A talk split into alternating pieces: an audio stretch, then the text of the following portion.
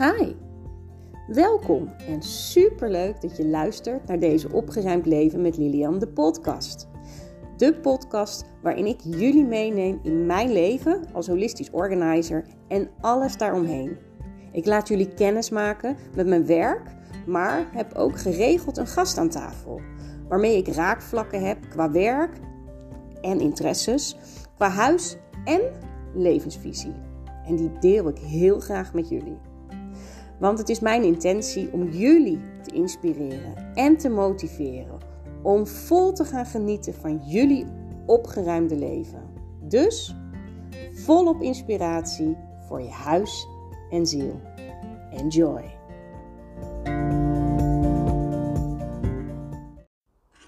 Zo. Nou, lieve luisteraar, welkom weer bij deze ja, inmiddels 101ste podcast. het is echt fantastisch. Um, en uh, ja, ik ben uh, gewoon heerlijk in mijn eigen dorp. Op een prachtig zonnig plekje zitten wij uh, deze ja. ochtend. Het is vandaag koud, maar hier binnen is het heerlijk warm. Um, en uh, ja, bij wie ben ik dan? Nou ja, de dame van vandaag, Esther. Uh, die gaat zichzelf veel uh, verder voorstellen. Die heb ik leren kennen eigenlijk via Facebook, de Wolletjes pagina. Oh ja, lang geleden. Ja, ja precies. En, en daarna op social media zijn we elkaar blijven ja. gaan volgen. En uiteindelijk is het wat meer geïdentificeerd door de Um, de wandelchallenge waar we allebei ja. nog steeds in zitten. En uh, ja, we vonden heel veel herkenning bij elkaar. Op ja. heel veel lagen, heel divers. En uh, inmiddels is ze ook gezellig aangesloten bij de ondernemersgroep die ik uh, ja. organiseer. En uh, tijdens een van onze gezamenlijke wandelingen kwam door haar beroep als geboortecoach verlies ter sprake. En beide kunnen we hierover meepraten. maar ook mijn klanten, waar ik veel bij kom, veel van mijn klanten hebben miskramen gehad. Mm. En ja, een bepaalde fase van de zwangerschap hebben ze hun kindje verloren. En dat geeft vaak, nou, heeft nog de nodige invloed op ja. hun ja, zijn, het moederschap. En wat ik ook vooral um, zie is dat ze zich moeite hebben met het loslaten, of in ieder geval dus het vasthouden aan mm. babykleding en speelgoed, om de herinnering uh, ja, levend te houden voor, maar ook ja, het blijft een, een gevoelig dingetje. Ja, ja. En uh, ja, ik kan denk, denk ik wel zeggen dat Esther en ik het redelijk een plekje hebben kunnen geven. Dat heeft ook, ja. denk ik, een reden waar we later ook nog wel over zullen hebben. Um, maar uh, het ook heel belangrijk vinden, zeker, dat helpt denk ik beide heel goed um, om de herinneringen levend te houden Precies. die er zijn. Al is ja. het aan de zwangerschap. Dus heb je jezelf of ken je iemand die te maken heeft gekregen met verlies van een kindje tijdens de zwangerschap of bevalling, blijf dan zeker hangen en luister naar ons verhaal. En uh, Esther, ik wil jou alvast wijs bedanken dat ik hier, nou en de ja. primeur heb gewoon in jullie prachtige nieuwe ja. praktijkruimte hier. Welkom. Ja. Ja, ik vind het heel leuk dat jij dan als eerste hier mag zijn. Ja, ik vind het heel bijzonder. Gisteren was je nog druk bezig. Alles in te richten. Het moest vandaag af. Het moest vandaag af. Ja. Nou, het is prachtig geworden. Het ja. voelt echt voelt heel, goed, hè? Ja, heel ja. huiselijk en gezellig. En, uh, Leuk. Ja. Warm? Ja, ja, nou op meerdere fronten. Warm. Ja, precies. ja, ja, heel mooi. Dankjewel. Hey, kan jij de luisteraar een beetje vertellen nou, wie je verder bent, behalve Esther, je voornaam, maar je, je gezinssituatie, alles? Zeker. Ja, weet je nou, wat je doet qua werk? Maar qua werk... Ik zal beginnen bij het persoonlijke. Mm -hmm. Ik ben uh, Esther, Esther Hut. En ik ben moeder van, ja, daar gaan we al, hè? Vijf of zes kinderen. Ja. Het ligt er een beetje aan met wie ik aan de, aan de praat ben. In dit geval zes kinderen. Mm -hmm. En dan zeg ik altijd vijf hier op aarde en één, uh, één engeltje. Ja. En uh, mijn oudste is net twintig geworden. Mijn jongste is net vier. Dus er zit een lekkere grote range tussen oudste is zelfs net op kamers. Een hele andere fase. Een heel andere fase. en mijn jongste is uh, nee. eergisteren begonnen op zijn nieuwe school. Dus um, ja, wat dat betreft, never a dull moment in ons huis. nee. en um, nou ja, de, de oudste is aan 20. En we hebben nog een zoon van 18. Dus de oudste is een dochter. En uh, dan is er een tijdje ruimte. En gelukkig kwam toch nog een zwangerschap ons pad. En uh, die dochter is tien en we hebben nog een dochter van acht en dan een zoontje van vier. Maar tussen de dochter van acht en het zoontje van vier hebben we nog een dochtertje mogen krijgen. En die is helaas met 20 weken geboren en overleden. Ja. Maar die is, ja, dat is deel van ons. Dus Ja. mijn eh, Instagram-account is niet voor niks S plus 6. Ja. Ja. Want dat zeiden we, zeiden we altijd voor de gein. Van ja, S plus 6 eh, met zes kinderen. En op een gegeven moment zei mijn zoon, die was toen denk ik 16 of zo. Hij zegt, nou mam, dan heb je eigenlijk toch nog steeds die zes kinderen. hè?" Alleen ja, eentje die is er dan niet hier. Maar Ja. ja, ja dat is eigenlijk zo. Het is toch nog uitgekomen. Ja. Ja. Ja. Mooi hè? Ja. En ehm, ik ben oorspronkelijk leerkracht. Mhm. Op een gegeven moment ben ik eh, één op één met kinderen gaan werken met wat leerproblemen en eh, gevoeligheidsproblemen, hoogbegaafdheid, laagbegaafdheid. En toen ik eh, maar niet zwanger werd van de derde, ben ik gestopt met mijn, eh, mijn werk. Ik werkte toen ook nog op een school. En toen ineens was ik toch nog zwanger. Blijkbaar Ja, gaf het toch best wel wat stress. Ja. En eh, dus vanaf dat moment ben ik echt helemaal voor mezelf blijven beginnen. Want dat voelde gewoon heel erg goed. Dus niet Ja. meer voor de klas. Ehm, en ik wilde daar heel graag een hele mooie zachte hypnobirthing badbevalling. Ja. Dat werd een inleiding in het ziekenhuis. was heel anders. ja, dat kan je wel zeggen. en toen ik voor de vierde eh, ging bevallen, toen was het echt zo'n zenbevalling thuis. Dat echt, nou, eh, een geschenk uit de hemel. Ja. Dat ik daarna dacht van, oh, dit kan dus echt. Je kan Ja. dus echt op deze manier bevallen. Toen ben ik de cursus gaan doen om eh geboortecursussen te mogen gaan geven. Ja.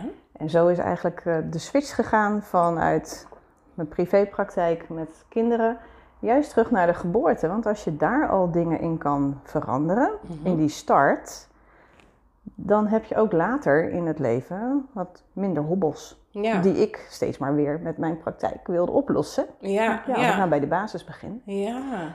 Dus, Dus- je tackelt het eigenlijk voordat het eigenlijk al het kindje naar school gaat, voor een deel. in ieder Precies, geval. ja. Weet je, als die start ehm, soepeler is, Mhm. steviger, sterker, dan kan je gewoon meer aan. Ja. En ehm, als er dan alsnog dingetjes zijn, dan kan ik alsnog helpen. Ja. En dat doe ik met reflexintegratie. Dus met de geboorte eh, is een heel belangrijk moment om eh, bepaalde geboortereflexen ja, actief te maken op het juiste moment. En als een geboorte anders gaat, als dat de natuur hem bedoeld heeft, dan kan je sowieso al merken dat er bepaalde reflexen actief blijven. Mhm. En die gaan dan een beetje storen in de ontwikkeling, in je concentratie. Heeft dat een dingen als, kan je daaraan denken als, ehm, ehm, mijn jongste had op een gegeven moment ehm, tijdens de zwangerschap, en dat voelde ik ook hoor, een bepaald bordje in mijn bek en dat ik dacht, zo, daar lig je Mm. echt niet lekker. En hij heeft een Mm. beetje in een knikje gelegen. Dus hij had ook een soort voorkeurshouding, zijn, zijn hoofdje stond een beetje, dus ik ben naar een osteopaat. Oh, heel eh, goed. Dat zou echt eh, mijn tip ook ja, zijn. na twee weken zat ik al bij de osteopaat. Ik denk, hoppatee, niet, ehm, en dat is ook helemaal eh, goed gekomen. Maar Ja. wel doordat hij daar al had gezeten. Maar moet ik aan dat soort dingen denken? Dus eh, omdat die reflex dus niet... Omdat hij zo lang in een verkramping heeft gezeten? Het ligt Of, er een beetje aan hoe die dan uiteindelijk geboren is. Als hij wel op, eh, met de, de gewone speeldraaien heeft kunnen maken, Mhm. die ze maken om in het bekken te draaien en vervolgens uit het bekken eruit te komen, ja, dan eh, maakt hij de bepaalde houdingen met zijn hoofd die de bedoeling zijn om die reflexen actief te maken. ja, ja.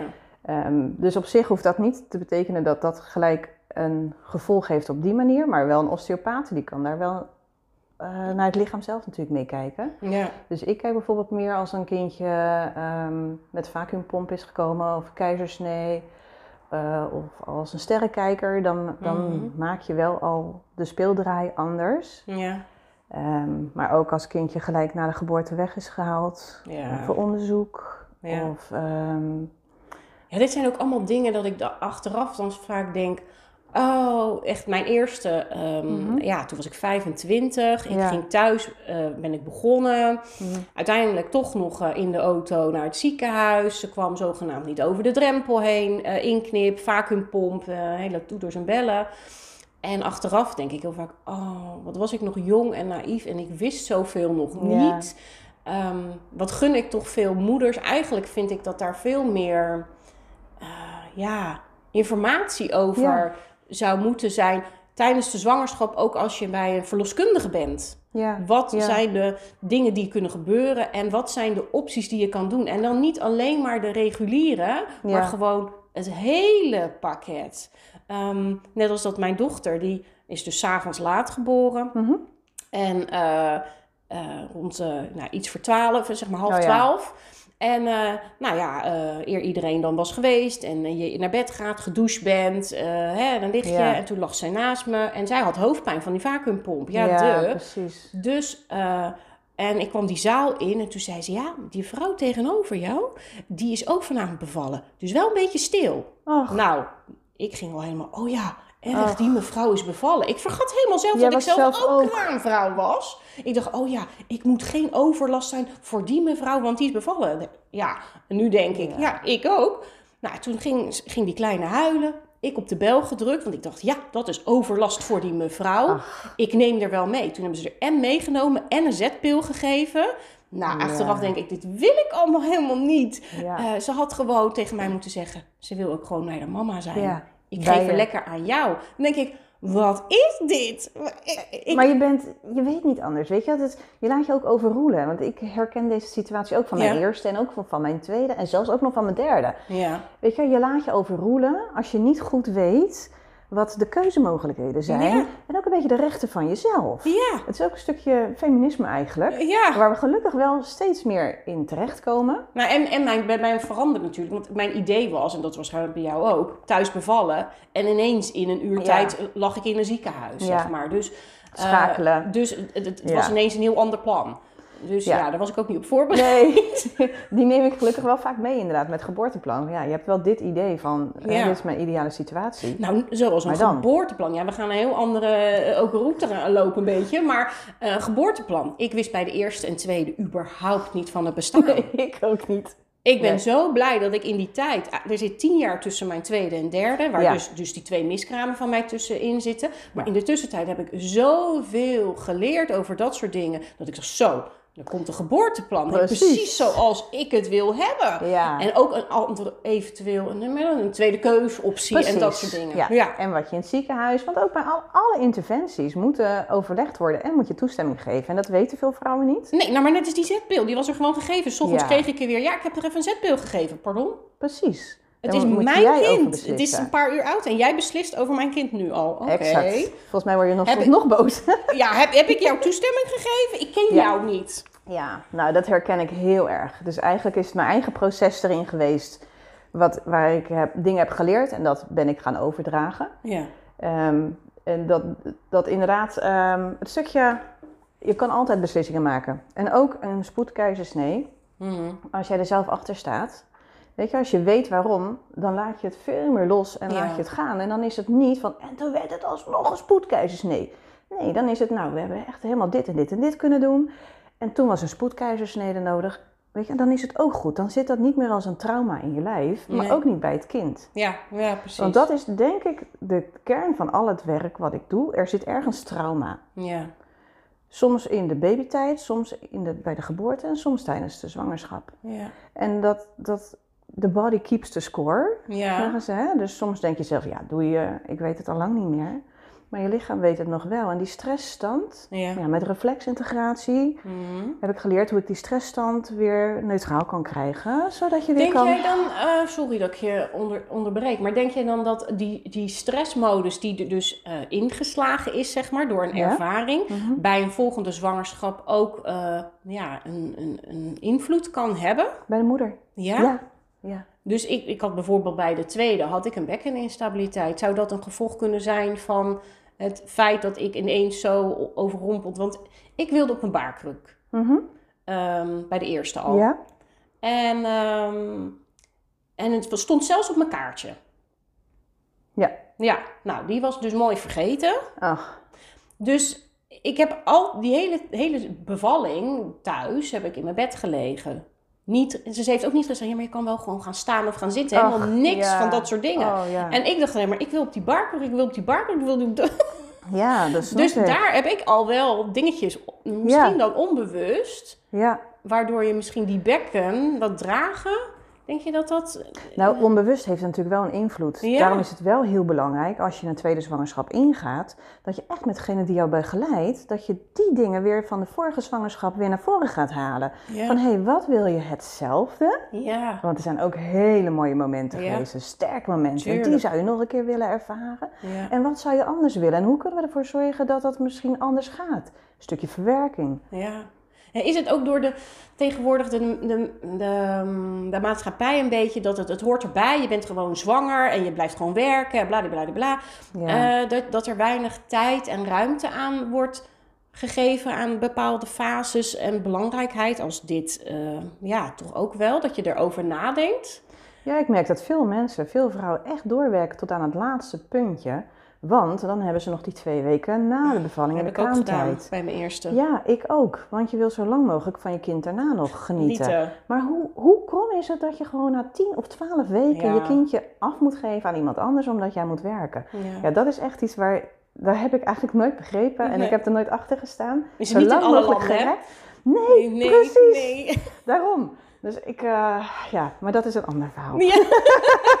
ja, wij kunnen over dit onderwerp, eh, denk ik, Zeker. praten. Verschillende onderwerpen, ja. Ja, ja, maar goed, laten we terug naar Ja. waar we het vandaag over wilden hebben. Want eh, zoals ik net ook al even zei, ik heb twee miskramen gehad. Ja. Eén met zeven weken en één met dertien weken. Mm. Dus allebei vroeg in de zwangerschap. Jij vertelde zelf al dat jouw miskraam, nou ja, het was een, een vroeggeboorte. Ja. Van eh, mijn dochtertje, dat was een vroeggeboorte. En ehm, dat is meestal na de 12 weken, maar bij haar moest de bevalling opgeleid of opgewekt worden. Mm. En je gaat echt naar het ziekenhuis, je gaat echt bevallen, je bent kraamvrouw. Ja. Eh, sowieso hoor, natuurlijk met een, eh, een miskraam ben je ook kraamvrouw, want Ja. je bloedt nog best wel na. En je lichaam is gewoon zwanger, die moet nog weer ontzwangeren. Dus dat maakt niet uit in welke fase dat nee, is. maar dat, dat was zo'n eye-opener bij mij. Bij de eerste, met die zeven weken viel wel mee. Maar die van 12, 13 weken, 13 weken denk ik eigenlijk. Eh, dat is, was gewoon een bevalling. Ja. Gewoon helemaal van, hè, dus die weeën, alles, die hele opbouw. En toen, ik was 's ochtends om 7 uur, zeg maar, bevallen. En eh, de kinderen moesten naar school. Het was gewoon een door de weekse dag. Dus ja, eh, nou, ik, dus ik dacht, ja, nou, dit hebben we gehad. Dus ik ga mijn leven weer oppakken. Zo. Want de kinderen moeten naar school. En ik zat aan tafel en ik kreeg naweeën. Hmm, Toen dacht ik, oh man. ja, gewoon Ja, ik ben natuurlijk helemaal ja. niet klaar. Ik hoor nu in mijn kraambed te zitten, niet aan tafel met mijn kinderen die ik naar school moet brengen. Nou, je baarmoeder heeft net zo goed moeten werken. Je hebt ook ontsluiting moeten krijgen. Ja, Alleen veel minder. ja. Ja, het was echt, nou ja, wat je zegt. Ja, dus elke keer haal jij iets bij mij naar boven. denk Ja. ik, oh ja, Ja. ja. maar vergeet dat niet. Weet je wel, ik, ik stond daar gewoon ook niet bij stil. eh, maar ook vind ik, ook toen eh, bij de echo eruit kwam dat ze dus was overleden. En toen Mhm. was ik, ja, ik moet naar de gynaecoloog en weghalen. Ik zei, nee hoor, dit kindje gaat zelf komen. Oké, ja. En eh, ja, maar we maken wel een afspraak. Als ze dan nog niet is gekomen, je krijgt een soort tijdlimiet. Als ze dan nog niet is gekomen, dan gaan we er halen. En eh, dus ik, eh, ik heb het gemanifesteerd. Mhm. Ik heb gewoon gezegd, jij komt op je eigen moment. Ja. Maar wel voor die datum, oké? Ja. en dat is dan Ja. wel, eh, dat is wel gelukt. Maar. Ehm, ook helemaal geen begeleiding in. Wat je kan verwachten. Oké, we Nou. wachten op dat moment. Je bent dan, kan je inderdaad dan, ehm, willen we je zien, want dan gaan we het eventueel helpen hè, te, te halen. Hè? Ehm, maar in de tussentijd kan je dit of dit verwachten. Nou, er is nul begeleiding in geweest. Nee. En Nee, dat dat vind ik echt een gemis in, nou ja, toch wel hoe, hoe het geregeld is hier in Ja, Nederland. het is een stukje en fysiek. Wat kan je verwachten, maar ook Ja. mentaal. Ja. Want de Je gaat- impact is veel groter dan dat mensen zeggen. En als, tenminste als mensen beseffen. Als ik met iemand, ook van mijn vriendinnen, sprak over een miskraam, zei ze, ja, dat heb ik ook gehad. Voordat ik dit kindje had. Mm. Wist ik niet eens. Ik wist Nee. het niet eens vanuit mijn vriendinnengroep. Nee. Want dan was meer van, ja, weet je wel, dat gebeurt één op de vier. Dus ja, eh, met zes weken ging het, eh, ging het mis, of met acht weken. Daarna, gewoon drie maanden later was ik weer zwanger hoor. En het ging allemaal goed. Ja. En dan denk ik, of het is een verschil in mentaliteit, dat ze het ook echt zo ervaren. Weet ik niet. Het heeft bij mij Hm. echt een grote impact gehad. Ja. Nou, ik denk, ik denk stiekem toch, als ik nu ook zie bij mijn klanten wat voor effect het heeft. En als we dan in gesprek raken daarover, eh, zit dat best wel diep. Ik denk dat het gewoon in deze maatschappij ook heel vaak gewoon niet wordt eh, verteld, geuit. Ook als het zeg maar voor die twaalf weken is. Hè? Want Ja. iedereen houdt zijn mond voor de twaalf Ja, weken. In de zwaarste periode van je zwangerschap. In de zwaar- je nou, voelt je echt heel rot. moe en Ja. ellendig en misselijk en weet ik veel wat allemaal. Ja. Ehm, ja, dat je. ehm, ja, dan ook niet. Oh ja, nee, by the way, ik, ja, ik was zwanger, ik heb een Ja. miskraam gehad. Ja. Eh, is ook lastig dat misschien mensen toch naar een heleboel mensen eh, het niet vertellen. Ja. En eh, daardoor ook een beetje nou, bagatelliseren of een beetje... Ja joh, we stappen eroverheen. Het is niet. Het is achter de maar rug dat, of... dat is, ja, Ik besefte inderdaad ineens dat ik tijdens mijn eerste misgaan ben gewoon gaan werken. tijdens. Ja. Dus ik wist dat, dat het niet goed zat en dat eh, een week later curatage zou zijn. Oh ja. En nee, dat ik nog heb... tegen mijn collega zei, ja, ja, ik voel me niet zo heel lekker, want ik heb een miskraam. Wat? En ik dacht, ja, eh, eh, hallo, ja, het, eh, het, is, het, het is niks nog, weet je wel. Het is nog heel pril en Ja, ja, ik bloed gewoon. Maar ja. ja, Nou ja, ik heb wel hoor. Toen ik had gehoord dat ik die, die echo had ik gehad en ik reed naar huis, had ik meteen mijn werk gebeld. Joh, weet je, ehm, dit kindje leeft niet meer. Ik ben er even niet. ja. Ja, ik denk ook dat het scheelt, want ik had nog geen positieve echo gehad. Het Mm. was gelijk mis. Dat is Ja. ook denk ik anders. Ehm, ik vond, want voordat ik dus zwanger werd van de eerste, heb ik een, de eerste miskraam gehad. Hmm. Maar ik wist helemaal niet dat ik zwanger was. Ah, Ik was opgesteld en na drie weken vloeide ik nog steeds. Dus toen zei mijn collega, zou je naar de dokter gaan? Ik zei, Ja. oh ja, ja oké. En de dokter zei, nou doe maar een zwangerschapstest. Zwangerschapstest? ja. En die was positief. Maar ik zat er in mijn eentje, je, ik ging helemaal niet met mijn man. Ik had Nee. meer zoiets van, nou wat is hier aan de hand? Ja, ja. Dus zei, nou, ga maar naar de gynaecoloog. Maar je weet dus ook al dat het fout is. Dus nou, smiddags samen naar de gynaecoloog gegaan. En die zag inderdaad dat het eh, een, eh, een miskraam was. Hij zegt, ja, hoe lang was je dan zwanger? Ik zeg, ik wist niet eens dat ik zwanger was. Ja, precies. Hoe lang waren jullie al bezig om zwanger te raken? Nou, niet. Ja, we lieten gewoon de natuur zijn gang gaan. Maar stond er nog, ik was zo bleu. Ja. En, en op een gegeven moment zei hij, nou ja, eh, we wachten even een paar weken af. Kijken of het vanzelf v- eh, vrijkomt. En anders eh, plannen we een curatage in. Ja. En nou ja, dat, oh, oké. Ik ging gewoon naar huis en toen kwamen we terug. En toen was het, zat het er nog steeds. Toen zei hij van, nou dan moeten we dus nu wel de curatage in gaan plannen. Ik zei, nou oké, wanneer kan dat dan? En toen, ik, ik, weet- ik weet die man nog, dokter De Wit, hij is al lang gepensioneerd. En hij kreeg een traan in zijn ogen en hij zegt, u praat er heel nuchter over, maar het is heel wat wat u meemaakt, hè? Ach. Ja. En dat raakte me eigenlijk nog meer. Ja. Maar tijdens de curatage zaten de verpleegsters over en weer over een weekend te praten. Terwijl ik daar Nee! onder plaatselijke verdoving, want ik wilde plaatselijke verdoving. Ik denk, ik moet het dan ook meemaken. Blijkbaar Ja. dringt het niet tot me door. Nee. Plaatselijke verdoving. En toen zeiden ze nog, ja, wil je het zien? Want het stelt eigenlijk niet zoveel voor hoor. Er kwam zo'n buisje met bloed voor mijn ogen. Nou, dat, dat zijn dingen, daar kan ik achteraf heel erg boos om worden. Ja. ja, en er is ook wel een contrast met een man die dan Ja, dat zegt en dan de curitage Ja. en dan een beetje... ja, maar de vrouwen, ik denk dat vrouwen onderling daar ook wat harder in zijn. Misschien, ook omdat, misschien hebben ze het zelf ook meegemaakt en vonden ze dat zelf ook toen de tijd niet wel meevallen. hè? Dat kan en best. is het omdat we daar overheen moeten stappen, omdat er daar geen ruimte voor is in deze scha- maatschappij, dat we daar allemaal een beetje verhard in zijn? Is het echt omdat je dan, dat die dames daar dan ook geen waarde aan, is het de kop in het zand van, nou ja, we- doen net alsof het er niet is? Wat zou, wat zou dat zijn? Ik denk dat voor hun is natuurlijk routine. Ja, voor de verpleegsters. Voor de ja. verpleegsters. Ja, ja. En ik denk voor de maatschappij zelf. Ja, ik, ik heb het toen eh, tegen heel weinig mensen verteld. Want ja, het was toch ook nog niks. Nee. Ik ja. heb tegen niemand verteld dat ik zwanger was, want ik wist het niet. Dus Nee, nee. en de andere keren heb ik ook de eerste zwangerschapstest. Want dat is wel, als je start met een zwangerschap die niet goed gaat, Hmm. is elke zwangerschap daarna Ja. onder voorbehoud. Ja. Eerst maar eens wachten. Oké, we hebben een positieve test. Ja. Eerst maar eens wachten op de eerste echo. Ja. Dan maar wachten tot 12 weken. Dan maar. Elke keer ga je je Ja. mijlpalen verleggen. ja. En ik merk dat het in de hechting, in de eerste zwangerschap, heel lastig was. Hmm. Zelfs, want ik dacht, elk moment kan het ook weer weg zijn. Ja, ja, oh, dat had ik ook. Ja. Na de geboorte ook. Ik voelde niet gelijk, eh wauw, ik ben moeder. Nee, helemaal niet. Na tien dagen lag ze op mijn borst. En toen voelde ik een soort van hart-tot-hart verbinding komen. Toen voelde ik het stromen. Toen dacht ik, oké, jij blijft.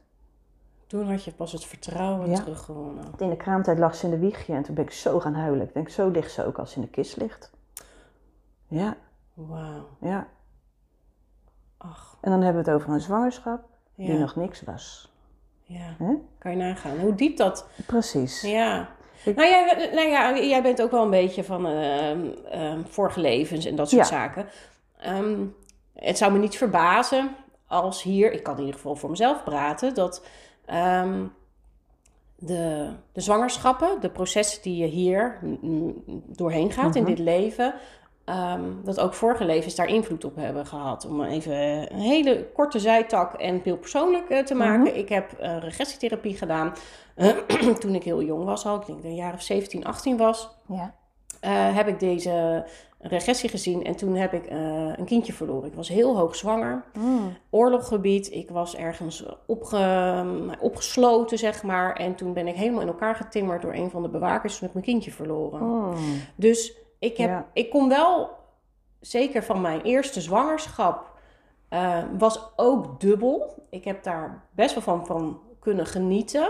Eh, ik vond het heel bijzonder, sowieso. Ik vind zwangerschap, Ja. zwanger zijn echt, nou, echt een eer. Ja. Ik vind het echt heel Ja. bijzonder. Ehm, maar ik had daar vlak voor een hele traumatische ervaring hier, fysiek in dit leven, ehm, met een meisje gehad. Dus er was wel de realisatie van het leven is niet eindig en je Mm. weet niet wanneer. Nee, precies. Eh, want ik had toen nog geen miskramen gehad. Ehm, maar ik denk dat alles wat je meemaakt in die zwangerschappen en in het moederschap. Ja, mijn wens was namelijk, daarom ben ik ook die regressie ingegaan destijds. Ehm, ik voelde intense behoefte, al op hele jonge leeftijd, ik wil moeder worden. Mm. En dat was natuurlijk om het gemis uit dat vorige leven, Ja. waar dat niet Dat kon niet afgemaakt worden. kon niet Ja. afgemaakt Ja, worden. Dus de behoefte, en de, de, de wens was er heel goed. En net als dat ik, dat ik altijd heb gezegd, ik krijg drie kinderen. Dus toen ik die miskraam kreeg, snapte ik het niet. Nee. Hè? 1, 2, 3. Nou, nee. En toen weer een miskraam. Hè? 1, 2, waar? 3. Nou ja, uiteindelijk is meneer 3 is er, eh, of, nou niet meneer, maar het is mijn meneer, maar nummer 3 is ook gekomen. Dus het klopte Ja, wel. nu klopt het. Maar ehm, ja, ik denk dat ze. En daar zijn een heleboel mensen zich ook niet, denk ik, bewust van. Als jij daar helemaal niet mee bezig bent, met het spirituele, eh, met de vorige levens, dan snap jij soms al dingen niet waar je je bepaalde handelingen, gedachten, gevoelens Ja. hebt in dit leven, omdat je ze niet kan plaatsen. Ik wist Ja. dus dat mijn behoefte aan het moederschap, het gemis aan een baby zo groot was door dat. Daardoor kon ik het ook uiteindelijk, want ik had op mijn achttiende al een vriendje, die daar Mm. ben ik nog steeds mee. Dus Mhm. ik, in de praktijk had ik gewoon, nou, hé, hey, Ja. wat dacht je? Zullen we gewoon? Want Precies. mijn behoefte is er gewoon. Ja. Nee, ik kon hem parkeren, want ik Ja. snapte dat het uit een eh, ja, verlies was uit een vorig Ja. leven.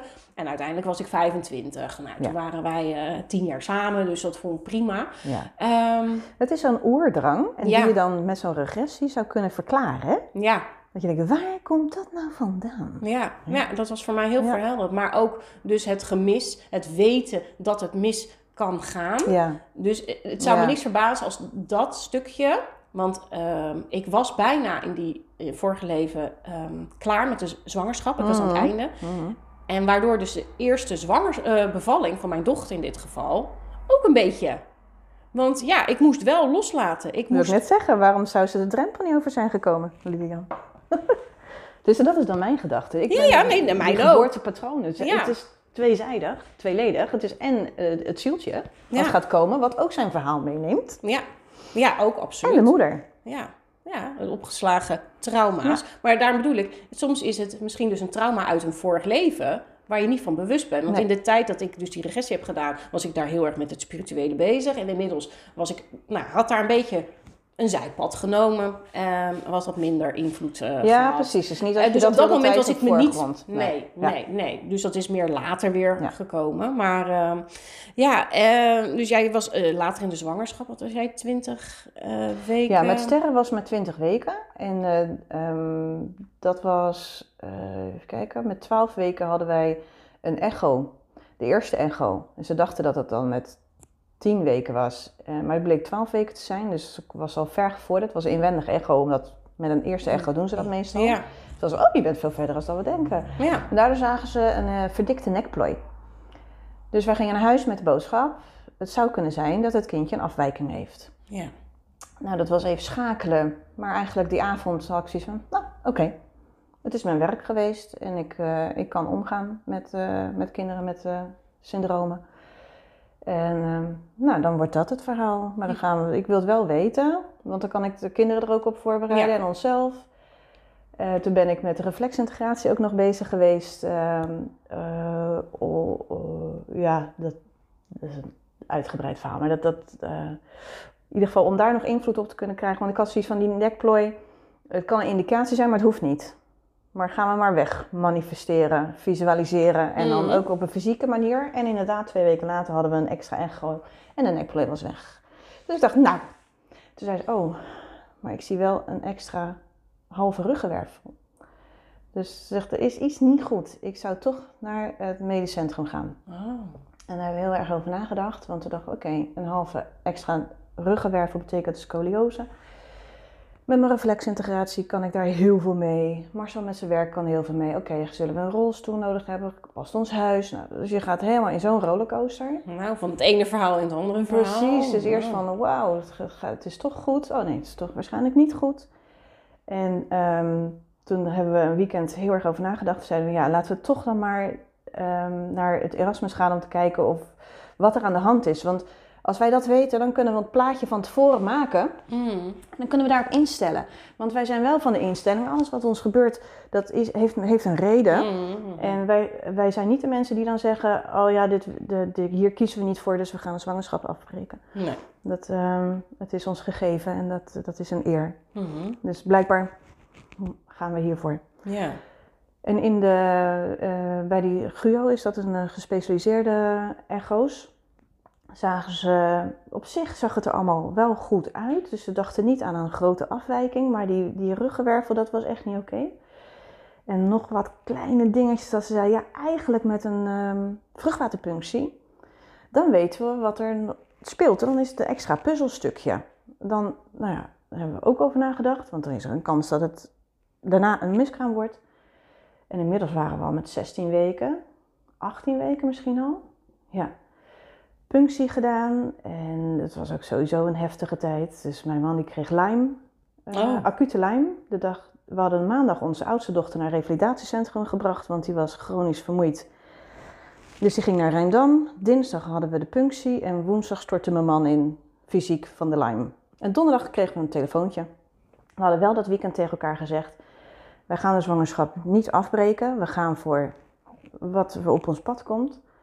Maar er zijn wel twee, twee voorwaarden. Als het blijkt dat een kindje iets heeft wat intens pijnlijk is, Mhm. Mhm. of heel kort gaat leven, waardoor wij met vier andere kinderen afscheid moeten nemen na korte tijd, dan gaan we wel over nadenken. Mhm. Moeten we hun beschermen? Ja. En met de pijn moeten we het kindje beschermen. Ja. En toen donderdag kreeg ik een telefoontje toen ik alleen thuis was met de twee jongsten. Oh. Het ziekenhuis zegt, sorry, we hebben geen goed nieuws. Het is trisomie 18. En inmiddels wist ik, het is niet met het leven verenigbaar, noemen ze dat dan. Oké. Dus het zou, ze zou eh, een paar uur kunnen leven, een paar weken, maar hooguit een paar maanden. En met zondes. En Mm. misschien zelfs in een hospice. En ergens kwam een punt, zou een punt komen, want vaak komt dan een longontsteking overheen en dan Oh overlijdt ja, zo'n kindje, het want het is heel zwak. Ja. Dan eh, moet je de stekker eruit halen. En toen zeiden we tegen elkaar, ja, we moeten de kinderen ook echt beschermen voor dat grote verdriet. Om eerst een kindje te ontvangen Ja. en elke avond afscheid te nemen, want ben je er morgen nog. Ja. Ja. Komt weer binnen. Ja. Snap ik. En het zou voor haar ook een, eh, een zwaar leven zijn. Maar ook heel mooi, weet je. Ik ken ook verhalen. Toevallig, onze kraamhulp had hetzelfde meegemaakt. Dank je. Ehm, die, ze- dus nou, dat is ook heel wel- bijzonder. Ja. En die is daarna gewoon wel nog gekomen bij ons. Wauw. We hebben nog een paar uur kraamhulp gehad. En zij zei, ja, wij hadden de, de, toen de tijd ehm, het geluk dat we geen echo's hadden. Dus ik wist het niet. Nee, ja. En zij heeft nog vier maanden van haar kunnen genieten. Maar... Dus wij kwamen bij de, het gesprek daarna. En toen zei ze al, ja, we, we hebben genoteerd, want jullie willen de zwangerschap vol, voldragen. Hè? En toen zeiden we, ja, maar we moeten haar gaan beschermen. Dus de enige taak die wij als ouders hebben, Mhm. is haar beschermen en de andere kinderen. En dat is een, een taak die super zwaar is, maar wel uit liefde. Ja. Ja, als je ergens moet sterven, mag het dan in die baarmoeder zijn. Ja. Je hebt geen pijn, je voelt alleen maar liefde, warmte. En, ehm, dus we hebben toch besloten om eh, de zwangerschap in te leiden met 20 weken. En wetende dat ze dus niet zou overleven. Mhm. Ja, dat is een keuze die je krijgt. Die, Nee, die je niet wil maken. nee, is onmenselijk. Ja. Maar eenmaal sta je ervoor, weet je, als je het weet, moet je de keuze gaan maken. Ja. Ja. Dus nee, dat heeft nog wel wat eh Ja. voet in aarde gehad om dat te verwerken. Ik heb me heel schuldig gevoeld. Naar, Naar sterren. ja. Ja. Want jij besloot over haar leven. Ja. Ja, in heel slechte tijden denk je dat wel, ja. Aan de andere kant denk ik ook, ja, het, het is het enige ehm, wat op dat moment juist voelde. Mhm. En ehm, ja, waarom gebeurt dit? Hè? Dat, dat is ook. ehm, ik heb het heel erg gedeeld ook op Facebook, op social media met mijn familie. Mhm. En waarin dus eerst de blijdschap van de zwangerschap en toen een boodschap van, nou, het, het, het, het ziet er naar uit, er komen donkere wolken. En toen de boodschap van, we gaan haar loslaten. Mhm. En zoveel steun gehad, zoveel steun van familie, maar ook naast de familie, die ook ehm, anderen hebben verloren en die zeiden: Ik heb niet beseft dat een kindje zo vroeg in de zwangerschap verliezen ook net zo verdrietig is. Mhm. Ja, dat het dus niet uitmaakt hoe groot of klein Nee, het is en hoe ver je bent.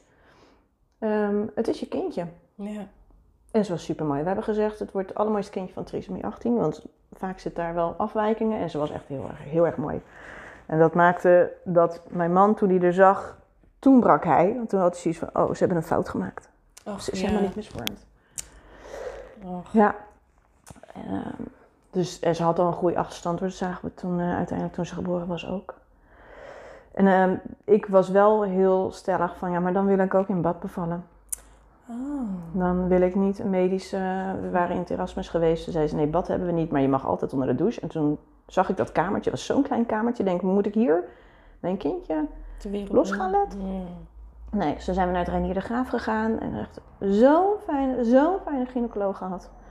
En die eh, had zoiets van, ja, we hebben het nog nooit gedaan, maar als jullie het aandurven. Ik zei, nou ja, ik heb het wel al eerder gedaan, dus eh, dat komt wel goed. En toen, eh, eh, daar heb ik geleerd dat je echt wel eh, je wensen mag uitspreken. En Mm. nu was iedereen heel meewerkend, want je gaat iets heel naars meemaken. Ja. Maar daardoor heb ik wel meer geleerd van, ja, maar dit is echt zoals ik het wil. Ja. En dan ga ik dus zoeken naar een ziekenhuis waar dat mag Ja. waar dat kan. En zij hebben het eh, als heel positief ervaren. Ja. En ik heb gehoord dat daarna ehm, de keuze nu wordt gesteld: wil je in bad bevallen bij een afbreking of niet? Of als kindje overleden is. Oh, wat mooi. Want het kindje Je- hoeft niet meer gemonitord te worden. Ja. En dan is het wel een hele, voor de moeder heel fijn om de, de weeën daar op te vangen. Ja. En als je kindje in het warme water geboren wordt, is die schoon. Ja. Dus het is gelijk, En het is een zachte... het is een hele zachte landing. ja. Ja, precies. Oh, maar wat mooi. Eigenlijk heb jij dat door Ja, die zwangerschap. Dus eh, we komen er later ook nog wel. De positieve noot van, de, van het verhaal. Maar dat is dit eigenlijk Ja. ook. Want jij hebt door jouw, nou ja, ervaring toch iets moois Ik daar in dat iets- ziekenhuis. eh, Klopt. ja. Ja. dat is waar. En ik heb de verloskundigen die ehm, eh, hebben daarna ook gevraagd aan mij van mogen wij mensen doorsturen naar jou die dit ook gaan meemaken, dat jij hun, jouw ervaring kan delen, dat je ze kan helpen. Oh, wat goed. En er zijn inmiddels echt al eh, ja, heel veel mensen doorgestuurd die ik gewoon als moeder, Ja. maar ook met mijn professionele achtergrond kan helpen. Ja. Op de voorbereiding en boeken aanraden die ik heb gelezen toen. ehm, eh, maar ook contact blijven houden. Hmm. Eh, dus dat is wel heel, heel mooi, weet je. Het heeft echt wel heel veel mooie Nou ja, dingen. dit is wel een beetje waar we het er net volgens mij in het voorgesprek, soms loopt ervoor en het gesprek zelf een beetje door mijn hoofd in mijn Ja, me- Maar wat wij daarover hebben, zo van de, hoe belangrijk het is dat eigenlijk dus, nou ja, zo in dit geval een ziekenhuis ja, ehm, tools heeft of ehm, adviezen heeft voor mensen die een ander pad moeten bewandelen, ja. eh, dat daar keuzes in zijn. ja, precies. Dat het inderdaad niet allemaal een standaard protocol is. Want ook hierin, ik vroeg ja, ik wil de placenta zelf geboren laten worden. En niet Mhm. gelijk met een, eh, een, een prik of wat dan ook. Mhm. En dan hebben ze echt hun, dat zeiden ze ook, we zijn erg uit onze comfortzone gegaan. Ja. En ze hebben echt anderhalf uur gewacht. En on- en dat ik op een gegeven moment zei, ja, geef nog maar een prikje erbij. Nee, ik zeg op een gegeven moment, mijn lijf zegt nu gewoon, ze is geboren, het is klaar. Toen moest ik alsnog naar het uh, Oh. Bruggeprik en eh, naar de OK om de placenta te laten verwijderen. Dus dat was echt uh, Nou. zo'n Twilight Zone. Ja. Maar ze zijn heel erg hun comfortzone uitgestapt om mij tegemoet te komen Ja. in mijn wensen die ik gewoon echt heel graag wilde. En het gaat erom hoe je het communiceert, hè. Ja. En ik Ja. heb echt vanuit mijn wens gecommuniceerd Vanuit jou. in plaats van mijn eisen. Van ja, Ja. maar dit wil ik. Ja. Ja, maar dit zou ik echt, echt heel graag willen. Is het mogelijk? Ja. Nou, Want hoe lang ik- heeft Ster uiteindelijk eh, dan nadat ze, nou ja, dat, ze is bevallen, dat je bent bevallen in het water nog geleefd? Niet. Oh nee. Nee, we hebben alle twee, we hebben nog een liedje voor haar gezongen. eh, over landen hier op aarde. En eh, dat, is, dat is een heel mooi liedje. Eh, tijdens de weeën, met de handen op de buik, mijn man en ik, huilend. Hmm. En alle twee voelden we achteraf, nu is ze gegaan. Oh ja. Ja, ik wilde niet nog een echo voordat, of een doppler of zo, voordat de bevalling begon. Dat zou ik me vreselijk vinden. Dus ik wist niet of ze al overleden was nee. of niet. En op het moment dat ze op mijn borst gelegd werd, eh, ze bewoog niet, dus ze was al overleden. Oké. Maar ze voelde wel als de ziel die was. Mijn man heeft haar ook nog op zijn blote borst gehad. En toen gaf hij haar weer terug aan mij. En toen voelden wij alle twee, zeiden we achteraf. Niet Ja. op dat moment, achteraf zei ik. En toen was haar ziel weg. Oh ja. En het, hij had dat ook. Toen, nadat ze allebei contact met jou Alle twee bij ons op de borst gelegen. En toen ging ze in het koude water voor de watermethode om er mooi op te baren. En alle twee zeiden we vanaf dat moment dat ze bij ons op de borst lag, toen was ze er nog. Ja. En toen was ze weg. Oh wauw. Ja, Mooi. maar nooit weg, weg. Nee, nee, precies. Nou ja, je noemt haar ook, je hebt haar een naam gegeven. Ja. Ja, Ja, en dat is ook zo raar. Ik, toen ik zwanger was, dacht ik, oh, sterren. Toen dacht ik, nee, dan gaat ze naar de sterren. Nee, nee, nee, andere de als S, andere naam met de S. Ik heb een andere naam met de S. En toen hoorden we die uitslag en toen zeiden we ook tegen Klopt. de gynaecoloog, "I- is het het kindje wat we gaan krijgen een jongetje of een meisje? Toen zei hij, de kans maar al zo, zoveel meisjes is dat het een meisje is. En ja, het is een meisje. Ik zei, nou, dan heet ze Sterren. Ja. Dan is dat dus haar naam. Oh.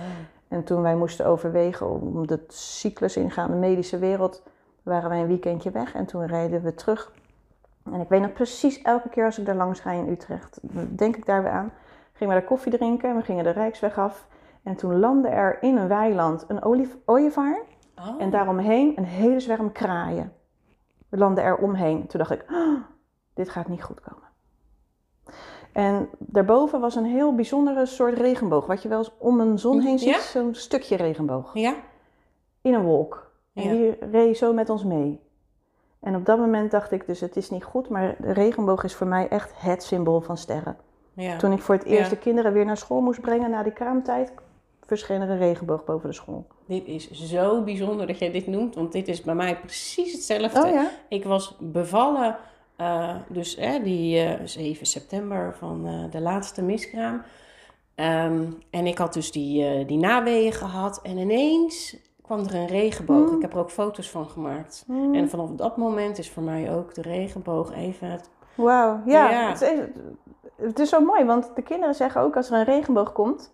Hey, sterren zeggen dag. Ja. Sterker nog, ik heb het dus gedeeld op internet ook. Ja. ja, ik heb de foto erbij geplaatst, ook bij, Ja. de, bij de geboorte. Maar je hebt er geen, geen foto van en dat op social media van, Nee. van je baby. Althans, dat, dat voelde voor mij niet oké, Ja. maar... Het geboortekaartje was ook een regenboog ehm, en dat eh, sterren daar ehm, eh, via de regenboog naar boven ging. En wij beneden aan de regenboog. En het geboortekaartje van mijn zoon was dat sterren als, als hazeltje dan Oh ja? hem een duwtje geeft naar beneden. En dat wij dan weer beneden staan. Oh, wat mooi. Ja, die heb ik zelf gemaakt. Heel mooi. Maar de regenboog is dus zo'n symbool dat mensen Ja, de brug kennen. tussen... Ja, het is de brug tussen hemel en aarde. Maar ook, Ja. ook het, het komt ook wel goed, weet je. Ik dacht van, jeetje, Mm. hoe kom je dit te boven? Want het is echt heel zwaar geweest, het verlies. Ja. Maar je, kom, je komt het boven en dan ineens, bam, dan zit het weer zo echt in my face, zes jaar later. Dan komt het verdriet weer helemaal naar boven. Maar ja, dat is dan blijkbaar op dat moment, eh, het is ook, het is ook oké. Ik verstop het ook niet. Nee, Nee. nee. Nee, ja, dat ik denk, dat, daar wil ik het hier ook over hebben. Zo van, ik denk, oh, en het is nooit, je bent nooit, het is nooit te laat om er een verhaal aan te hangen, om er eh, iets mee te doen, om het te helen, om het een plek te geven, om... Ik, ik, ik heb ook, een, dat was voordat ik miskramen kreeg, had ik een, een collega aan die zei van, ja, ja, eh, het is niet goed. Ik, ga, ik denk dat ik een miskraam heb gehad. En toen was ze aan het werken. En uiteindelijk ehm, eh, kwam ze helemaal lijkbleek van de wc. Ik Het was echt spitstijd op dat moment. Mhm. En ik zat in de kinderopvang. Lijkbleek, zegt ze. Ik heb net mijn baby gehad op de wc en ik wist niet wat ik moet doen, dus ik heb het Doorgetrokken. doorgetrokken. Nou, mijn hart brak. Oh, ik kippenvel, ja. En dus toen ik, dat heb ik wel meegenomen, toen ik dus ehm, eh, van mijn, de tweede, dus die, die zwanger, ik voelde gewoon, ik moet naar de wc. Die Ja. druk, zeg maar, Ja, van dat het is een soort poepen. persdrang, ja. Dus toen dacht ik, ja, maar ja, straks gebeurt mij hetzelfde. Ja. Toen heb ik de klanks, mijn klankschaal, Ja. grote, ik, ik moet iets verzinnen. Ja, je moet Wat heb ik vangen. Die heb ik in de wc gezet. Ja. En eh, nou ja, daar is inderdaad uiteindelijk die baby in eh, geboren. Maar echt, ik was zo eigenlijk dankbaar dat ondanks haar nare ervaring, Mhm. dat het mij heeft geholpen om Ja. preventief iets te verzinnen van, goh, joh, ben je daar... Aan al die dingen, denk je, zij wist, dacht daar ook niet aan. Nee, en dat moet dan iemand anders zeggen of meemaken. Ja, En eh, wat een tip dan ook is voor mensen die het gaan ervaren, Mhm. is om een zeef in je wc te hangen. ja, En daardoorheen, want dan vang je ook het kindje op elke keer dat je naar wc moet. ja, Vanaf het. het moment dat je weet dat het niet goed is, Ja. door een zeef plassen. Ja, En als het toch inderdaad achteraf gezien dat je er nog een ritueel wil mee maken, kan je ook op de wc allemaal mooie bloemetjes neerleggen. Echt een Oh, afscheidsritueeltje maken.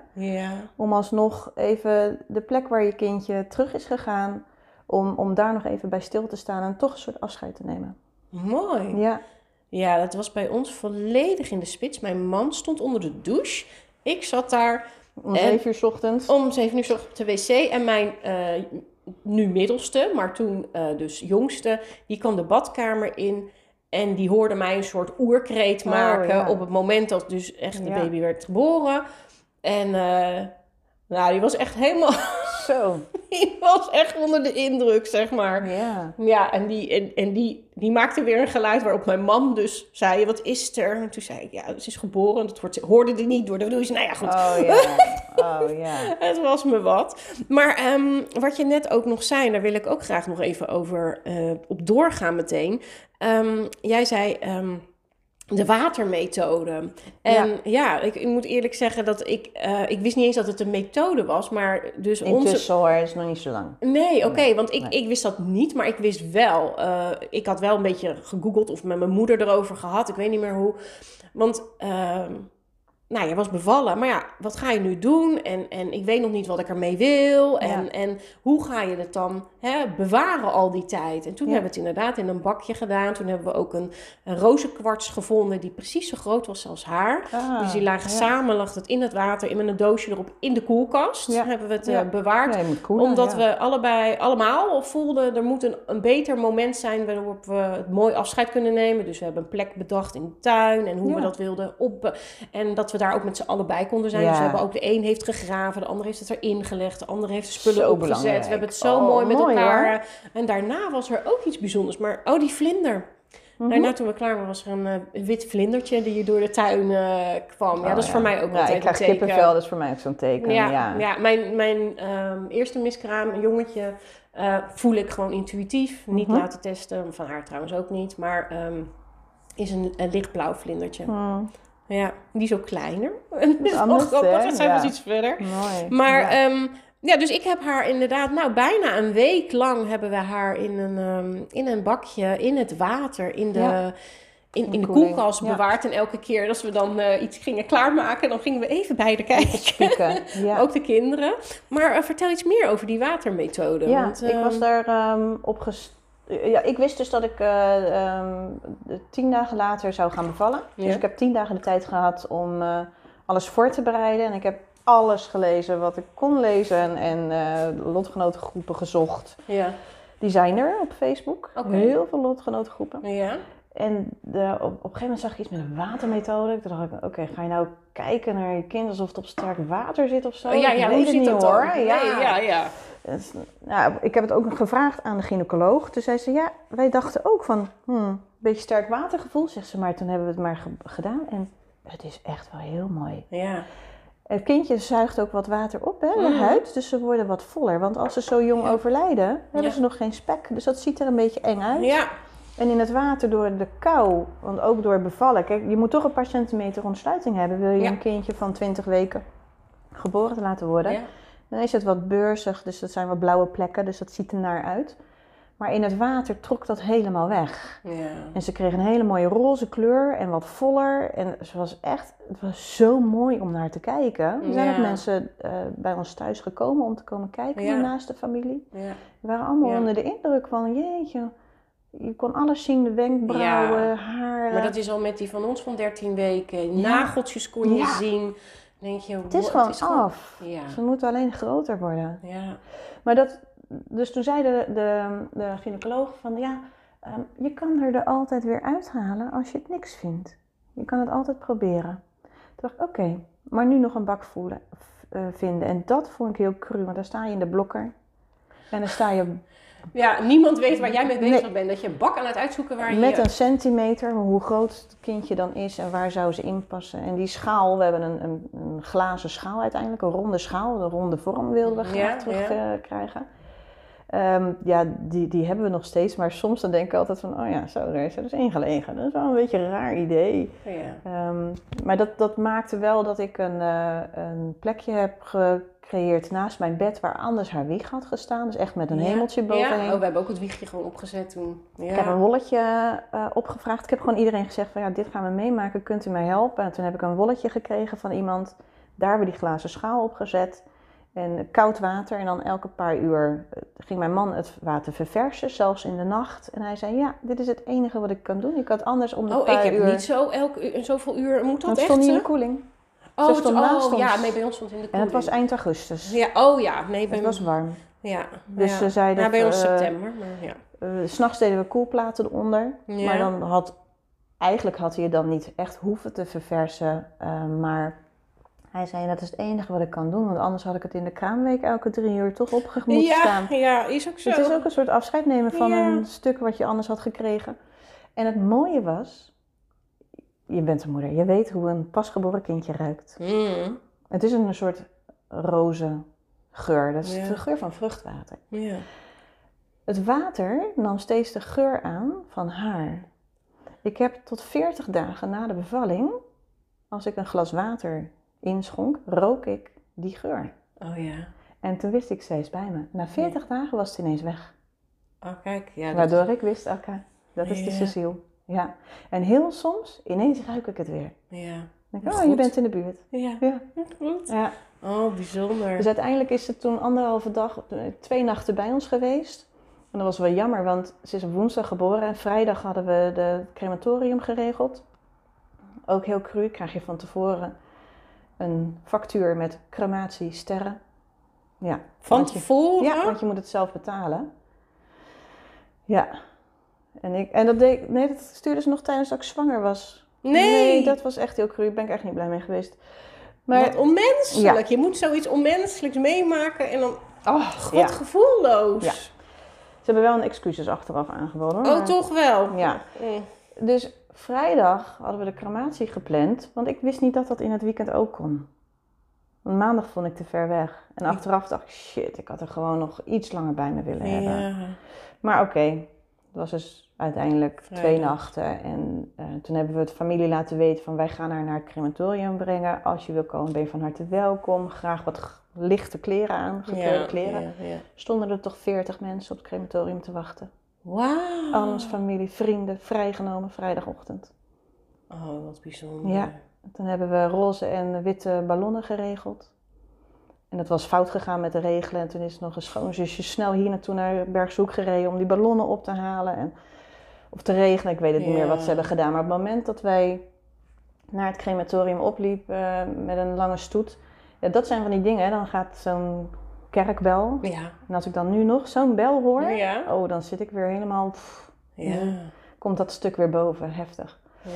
Maar toen zijn we echt gelopen naar het crematoriumhuisje, waar het echt gebeurt. Dus niet naar de afscheidszaal, want het was natuurlijk geen Nee. crematie. Ja. We- gingen haar wegbrengen. En voor de deur hebben we met z'n allen nog gestaan. Hebben we nog een liedje gezongen met z'n allen. We hebben elkaar nog geknuffeld. Nee, nee, in een kring eromheen gestaan. Toen hebben we de ballonnen opgelaten. Of toen we... Nee, zo, ik was het even kwijt. We zijn met z'n allen naar dat huisje gelopen. We hebben daar in een kring gestaan. Ik heb nog een, een, een lied wat wij altijd met een crematie in onze familie zingen, of met een afscheid. Oh, ja. Ehm, en eh, Omhels me dan, heet dat, Embrasse me. Toen zijn Marcel en ik naar binnen gegaan. En daar hebben wij haar zelf uit haar mandje gehaald. En op dat, eh, ja, zo'n doorschuifding gedaan. En ik heb zelf op de knop gedrukt. Ik dacht, niemand, echt, wij doen alles van A tot Z zelf. Niemand komt aan haar. Dat is wel heftig. Ja. Het geluid van de oven en alles. Ehm, en toen zijn we naar buiten gegaan. En toen zei ik van, ja, nu hebben we knuffels nodig. Ja. Iedereen knuffelen en zo fijn. Toen zijn we allemaal nog naar ons huis gegaan. We hebben nog, ehm, vrienden van ons hebben ons huis helemaal klaargemaakt, lunch geregeld.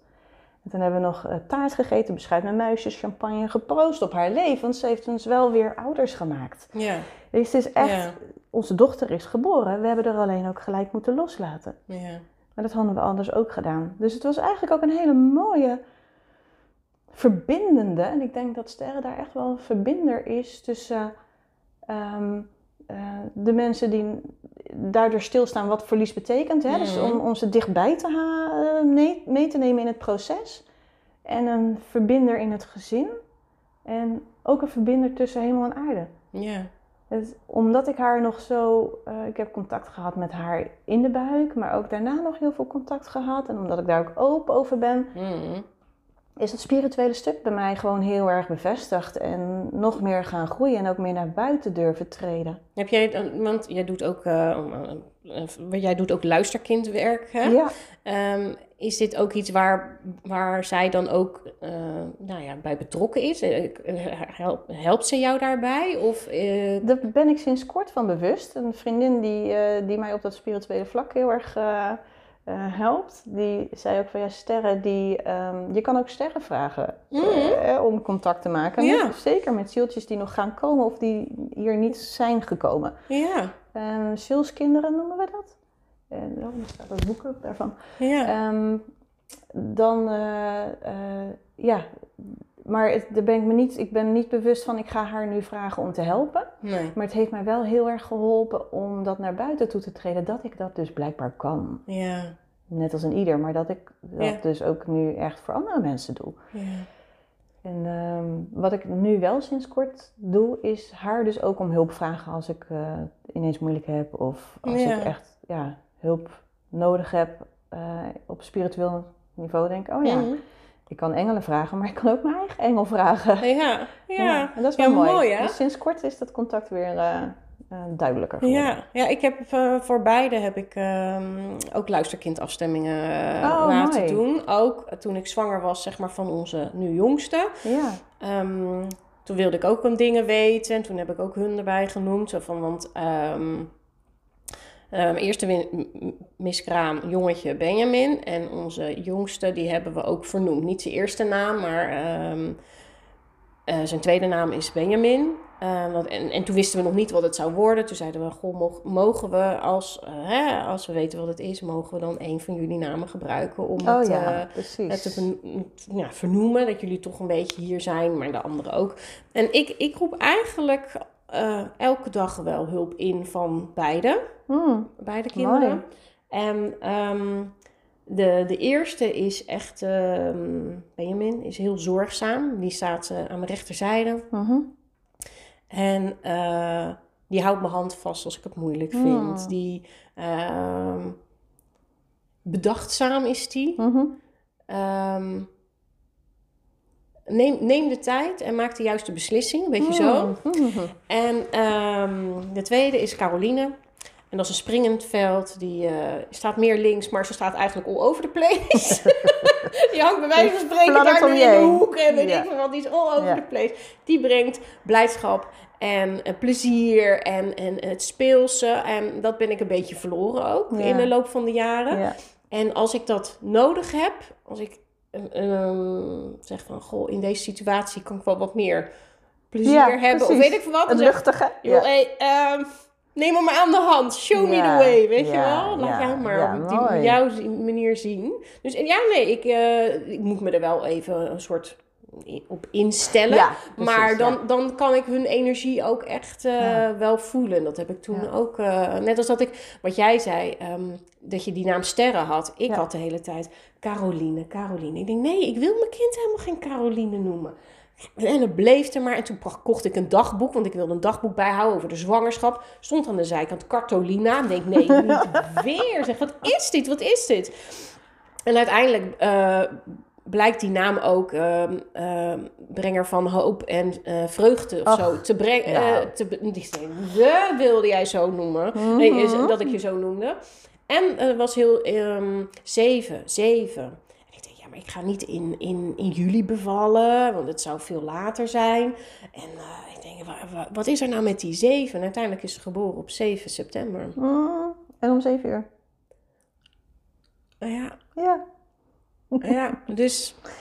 Ja, Ja. en maar ook tijdens de zwangerschap, of tijdens de bevalling, was ze ook heel sterk aanwezig. Ja. En toen uh, iedereen sliep nog en ik zat, uh, denk ik, rond een uur of zes of zo, was ik al beneden. Ik was aan het rommelen, hè, die weeën waren begonnen. En toen zat ik op de wc en toen had ik echt enorme weeën.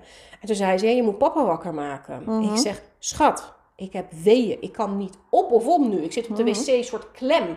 Ja, je moet papa wakker maken. Nee, schat, dat gaat niet. Ik, uh, en uh, ik zeg, ik zit hier, als het over is, ga ik naar boven. Dan ga Mhm. ik papa wakker maken. Ben je weg? Mm. Ik zei, ja hoor. Nou, je hebt voor, ook, ook voor alles een oplossing, zei ik toen. dus ik naar boven, ik gezegd, ik zei, joh, het is begonnen de week. En het begon ook meteen weer. Wauw. Ja. ja. Ja, ik denk ook namelijk dat um, aan, aan de onzichtbare kant kunnen zij ons veel meer helpen als aan de zichtbare kant. Hè? Nou, daarom zeg ik ook met Daar dat luisterkind werken. Ja, ja, ja, ja. Ja, en ook inderdaad uh, in uh, van die momenten dat je denkt, zo, daar was echt een beschermengeltje. Je denkt, ja, maar dat kunnen ze wel. In het fysieke leven hadden ze dat niet gekund. Nee, maar dit zijn dus ook weer, wat ik net ook zei, de positieve noten uit deze ervaring. Ook al hoe is het heel zwaar. Ja. Ik ben ook heel dankbaar dat ik dit toch heb mee mogen maken. Al is het nu ook als in mijn werk dat ik mensen tegenkom. Ja. Uh, jou. Ja. We, we begrijpen elkaar. Je hebt minder Precies, woorden nodig. Ja. Je, je kan elkaar troost bieden. Begrip. Zongen wij in koor. ja, exact. Ja, Ja, dus dat- eh, dat is, eh, ja, daarvoor ben ik wel... heel- Verbinding. ver- ja, Het verbindt meteen. ja, ja. En, ja, en dat is net wat je dan even net soms nodig hebt. En denk ik, ja, mensen voelen dan ook als we het daarover hebben, ze kunnen een traan laten, want ik snap het, ik begrijp Precies. het. Ja, Het mag er zijn. ja. En dus het heeft me echt. Op dat moment zag ik dat natuurlijk Nee, helemaal nee, nee, niet zo. Jij ook niet. Dan ga je echt door de hel. Weet Ja. je, verdorie. Ja. Ehm, maar het heeft mij achteraf wel echt zoveel gebracht. Ik denk ook, het is, een, het is onderdeel van het leven, Ja, het afscheid. Ehm, maar ik denk wel dat wij, en gelukkig nog veel meer mensen, dit wel zichtbaar maken. ja, En het onderdeel van het leven, hoe, eh, je kan het wegstoppen, van oké, Mm. het hoort bij het leven, mhm, we gaan Mm. weer door. ja, Of het hoort bij het leven. ja, ja, ja, ja. Nee, dat is absoluut waar. hey, ehm, eh, wat heb jij verder gedaan om het een, een plekje te geven? Want je hebt heel mooi verteld hoe je dat tijdens de, de, zeg maar, nou ja, kraamdagen, om Ja. het maar even zo Ja. te noemen, eh, hoe je dat hebt gedaan in, in het wiegje. En wat heb je daarna? eh, jullie hebben de ballonnen gedaan tijdens de, Ja, voor de crematie. Precies, dus we hebben echt inderdaad een plekje gemaakt. eh, we hadden dan niet een wiegje, maar wel een, eh, een, Hmm. eh, een plekje waar ze stond. Ehm, ik denk vooral het blijven benoemen. En, ehm, dus de naam blijven noemen, Ja. Dat dat heel belangrijk is. Eh, foto's ook neergezet. Mhm. Mm, je iets van een een- altaartje of zo gemaakt? Ja, wij hebben een of- kastje. Ja, daar staat haar as. Ja. Ik ben aan het sparen voor zo'n mooie houten urn. Zo'n ronde urn die je dan ook echt vast kan houden. Nu zit ze in het eh, urntje wat we hadden meegekregen van de crematie, van het crematorium. Ja. Maar dat staat op het kastje en er staat een foto van haar bij. En wat, wat, weet je, dan komt er een kind weer thuis met een tekening met een regenboog voor Oh. sterren, mama. Nou, die komt er dan bij. Dus dat noemen ze ook het sterrenkastje. Ja. En dat is de spiegel waar we elke dag ons opmaken. En ehm, zo is het ook echt onderdeel van ons leven. ja. Foto's die hingen dan een beetje op een onopvallende plek. En dan zie je, dan komen mensen bij ons thuis en dan raken we in gesprek. En dan zie ik ineens iemands oog zo daar naartoe. Oh ja. En toen zei ze, hé, hey, ik herken dat. Ik heb ook een kindje verloren, rond Oh ja. 22 weken. En zo kom Ja. ik echt ook in gesprek. Maar één mooie foto van haar voetjes, die zo echt heel mooi roze waren.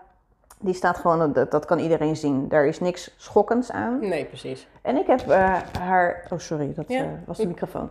Ik heb de profielfoto van haar, omdat ze in de, door de watermethode er heel mooi uitzag. Ja. Heb ik die eh, kunnen opsturen naar een smid. En die heeft een ashanger gemaakt. Ik heb er geen as in, maar wel een een hanger met haar profiel als En die heb je nu om? En die heb ik om. Die heb ik altijd bij me. Oh, wauw. En ehm, dat zijn kleine dingen. Het zijn vaak gespreksopeners. Ik, ik werkte op een school. En dan Ja, dat met- iemand dan zegt, oh, wat Oh, heb je... ja, Wat is dat voor babytje? Ja. En dan ligt er een beetje aan de situatie. Dan vertel ik er wel wat over of niet. ja, dat voel je wel. Ja. Ehm, dus op die manier is het eh, altijd wel gewoon deel van mijzelf. Mhm. En ehm, ik heb de geboorte, de Stichting Stil is bij ons gekomen om foto's te maken na haar geboorte. Maar toen zij hoorde dat zij in het water geboren zou worden, zei ze: Wauw, mogen we daar dan bij zijn? Want Oh. dat ze zo vanuit het warme vruchtwater in het warme water geboren mag worden en daarna in het water opgebaard wordt, vinden we zo mooi. Ja. Ehm, als jij dat ook wil, dan zouden we ook bij de bevalling foto's kunnen maken. Nou, dat vond ik fantastisch. Ik ben er heel blij mee. Dus een professionele fotograaf heeft foto's gemaakt van de geboorte. Ja. En daar heb ik een filmpje van gemaakt. Daar ben ik vier, vijf weken mee bezig geweest. Dat was mijn project. Als Ja. iedereen naar school ging, zat ik daar huilend, huilend, huilend. Tuurlijk, ja. Dat filmpje te maken met muziek erbij. En echt de impact. En als mensen het wilden. Eh, Want eh, dat hebben we ook gedaan. We hebben een soort kraamtijd echt wel gehouden. Dus Ja. we hebben 60 kaarten gekregen van mensen. Wauw. Dus we hadden net zo goed als dat we Ja, geboortekaartjes Ja. hadden. We hadden ze ook opgestuurd, geboortekaarten, dat ze geboren was en, en weer teruggegaan was. Maar dus de wand hing nu ook vol met kaartjes. En mensen zijn, eh, ik heb ook gezegd, ik zou het heel fijn vinden om elkaar te zien. Om even mijn verhaal te kunnen doen. Ja, nou en dat, iedereen hè. die dat wilde, die is gekomen. Ik denk dat ik ook zes weken lang visite had gekregen van een vriendin. En dan een andere vriendin en familie. En dan Echt één voor één. praattijd. Ja. Ja. En dan echt mijn verhaal kunnen doen. Verloskundigen die nog zelfs ook zijn langs geweest daarna om gewoon even op de koffie. Van hoe is het nu met je? Bloemstuk van een verloskundige op de uitgerekende datum. Over twee weken, zes jaar geleden. Ja. Dus dit, het was echt. ehm, ik heb echt een warm bad ervaren. Ja. Echt een warm bad. Van Ja, de heel- hulpverlening, maar ook Ja. van de mensen om me heen. Ja, hey, ik noemde net inderdaad even Stichting Stil. Hoe, hoe Ja. kwam je daar dan mee in aanraking? Heb je dat zelf eh, gevonden? Ik denk of- door googelen, want op een gegeven Mhm. moment was ik op een site gekomen. En het boek Stille Baby's was daar ook in aangeraden. Daar staat ook het- heel veel tips in. Ja, Wat je kan doen ehm, eh, ter voorbereiding op de geboorte van een kindje wat stil zal zijn of wat stilgeboren is. En volgens mij op een website Hmm. ben ik dat tegengekomen. En toen ben ik dat... En toen eh, heb je hun benaderd of ze foto's wilden maken achteraf. En toen Ja. hoorden ze dat over het water. Toen... Ja. Ah, oké. Ja, dus jij had zelf heb je dat gevonden. Ja. Ja, ja. Ja, ik denk dat ik heel veel heb gegoogeld. Als ik het zo eh, terugdenk. Hoe fijn zou het zijn als je nou bij een verloskundige zou zijn, dat er een soort handout is. Als je nou in deze situatie terechtkomt, dit is er. Een soort Ja. flyer met informatie. Boeken inderdaad, want wij hebben hier een aantal boeken liggen. Stille baby's, ik ben er gewoon. Een En altijd ongeboren een baby verteld. tekort. Je die? Ja, ja, ik had mijn handen vol. En ik dacht, het tafeltje past niet, maar Ja, ja, ja Die is ook zo'n. Ja, nu eh, sturen de verloskundigen ze naar mij toe. En dan Ja. kan ik het allemaal vertellen. Ja, En de sites doorgeven. Maar ja, dat zouden ze inderdaad ook wel gewoon natuurlijk op een. eh je zou er een folder. Misschien moet ik dat nog eens gaan maken. ja. En dan ja eh, een soort verspreiden. of zo. Ja. Dat, ze- Want wat ik wel merk, hè, wij hebben dan nog een kindje erachteraan gekregen. Nou ja, daar wilde ik naartoe. Ja. Wij hebben al kinderen, dus wij zijn moeders. ja. Maar wat voor de moeders die geen kind hebben, maar Mhm. die zijn moeder, maar die hebben een kindje verloren. ja. Ik, ehm, die vriendin die mij helpt op spiritueel vlak, die zei, ja, jij bent echt zo'n oermoeder. Toen zei jij, nee, ik ben een zielsmoeder. Ja. Ik ben ook moeder van een ziel. Vier zielen. Want Ik heb nog twee miskramen ook gehad. Dus drie totaal en sterren verloren. Ik zei, ja, je bent, dan, je bent een moeder alleen van een ziel. Alleen die zien we niet. Nee. Nee. Dus ook zielsmoeders, die, ehm, eh, ja, die help ik graag gewoon door er te zijn Ja. voor ze. Maar ook, ja, hoe kan je contact maken met het kindje om, eh, om hun daarin ook eh, te helpen. Ja. Dat ze het zelf kunnen. Ja. Ja. Ja. Ja, nou, ja, dat is hartstikke mooi dat ze toch dit, want dit, dit soort dingen heb ik toch wel een beetje gemist in mijn tijd. Ik had wel een, ehm, Snap ik. Ehm, iemand die ik goed kende. En die heeft mij toen eh, een boekje uitgeleend. eh, het Sprookje van de Dood. Oh, fantastisch. Ja, ik weet En, precies je ja, bedoelt. en dat heeft mij echt... Ik heb Ja. huilend onder mijn deken heb ik dat zitten, Ja. huilen, zitten lezen. En dat heeft Zo mij echt herkenbaar. heel veel wel gebracht. En uiteindelijk heb ik hem, ja, ik heb hem teruggegeven. En toen ik was bevallen van onze jongste... Mhm. Ik denk dat hij... Nou, hij was denk ik al iets meer dan een jaar. Toen heb ik in die zomer heb ik dat boekje gekocht. Toen denk ik, dit ga ik mezelf cadeau doen, want Ja. dit heeft mij zoveel gebracht. En nu heb ik inmiddels heb ik inderdaad nog een kindje gekregen. En toen las ik hem met zo'n andere Ja. ogen. Ja, Dat verdriet was eraf. En Precies. sommige dingen kon ik nog niet lezen. Die waren helemaal... Ik, ik had voor het idee dat ik een heel Ja. nieuw boek aan het lezen was. Stond het er ook toen in? Ja. Ja, ja, dus Nee, je moet leest wel. de dingen eruit die je troost geven. Ja, En eh, de tweede keer dat je hem leest, dan snap je waarom het zieltje bij jou op je pad is gekomen. Ja. Van het kindje wat dan wel is gekomen, fysiek. Weet je? Ja, dat, ik snap hem. Ik eh, herken hem. ja. Nou, en ook het feit dat je daarin stond ook beschreef van... Goh, eh, wanneer de ziel kiest om naar de aarde te gaan. En toen ging ik dat allemaal zo terug... eh, tellen, rekenen en zo. En, en toen snapte ik het van hem. En nou, er vielen een heleboel kwartjes Ja, ineens. Toen dacht ik, hoe bijzonder is dit, joh. Ja, het geeft ook een soort berusting, vind ik. ja. Ik, Ja. eh, ik voelde dat ik me niet zelf zo verantwoordelijk voelde voor de uitkomst. Dat ik dacht, oké, dit is ook een pad wat wij samen hebben afgesproken. ja. Want ik heb, heb wel heel erg het idee dat, ehm, en dat heb ik ook teruggekregen van andere mensen die ook contact kunnen maken. Zij wilden zo graag dat stuk nog ervaren. Ja, daar hadden we het net Die over. ja. liefde, die warmte, die zachtheid. Mm. En ehm ze hoefde helemaal niet te komen, dat was helemaal niet de bedoeling. Nee, nee nou, dat was bij mijn, Ja. eh, mijn dame ook. Ja. Inderdaad. Zij wilde nog één keer dit stukje, het aardse stukje ervaren op een veilige plek. Ja, Ja. en dat is in die baarmoeder. Precies. Meer had ze niet nodig. En het is ook, ehm, ehm, voor mij was het dan weer dat het nodig was om haar eh, vorm, zij was er altijd al, Mm. als ziel, en zij Mm. zou er nog steeds zijn. Alleen als zij niet eerst fysiek was gekomen, had ik dat niet zo sterk Eh, bewust geweest. Ja. En nu ben ik, ik bedoel, ze heeft een naam, ze heeft een, Ja. een persoonlijkheid zelfs Ja. gekregen, een plek in het gezin. Ja. Dus hoe zichtbaar kan je zijn terwijl je onzichtbaar bent? Ja, ja. Dat is heel bijzonder. Heel mooi, Ja. ja, ja. Hey, ehm, nou ja, de steel, ehm, eh, de watermethode, de luisterkindmethode hebben we het ook even gehad. Ehm, en zo zijn er nog wat andere dingen die je kan eh, helpen in het, het verlies. Je noemde aan mij Nova steunpunt. Ja, dat is ook inderdaad een, eh, heel fijn om op te zoeken en die hebben ook heel veel tips. Mhm. Ik ben ook geweest naar een, een cirkel bij Frida Vroedvrouwen, die, re- die re- organiseren dat regelmatig. Voor ouders die een kindje zijn En verloren. is dat door heel Nederland? Is nee, het- dat is Oh. in, eh, in Rotterdam, in Kralingen. Dat zijn eh, hele fijne vroedvrouwen. Ja, En zij maken daar ruimte voor. ja. En dan met een, een kleine workshop. Wij hebben daar een heel mooi kopje moeten breken. En Ja. daarna met gouden lijm weer aan elkaar Dat is moeten uh, breken. Japans of wat is het? Ja. ja. Precies. En aan een tafel met vrouwen die hetzelfde hebben meegemaakt in verschillende stadia hoor. Ja, Eh, was heel verbindend. En ik, heb nog, ik ben daar één keer geweest. ja. En daar heb ik ook eh, mensen die ik nou weer via Instagram nog contact mee hou. eh, want je, je hebt allemaal, in welke mate dan ook, de verbinding dat je hetzelfde hebt meegemaakt. Je hebt een kindje verloren. Mhm. En, eh, Nou, en het is dat je daarmee wel... Wij kunnen het hier gewoon over hebben. Het hoort erbij.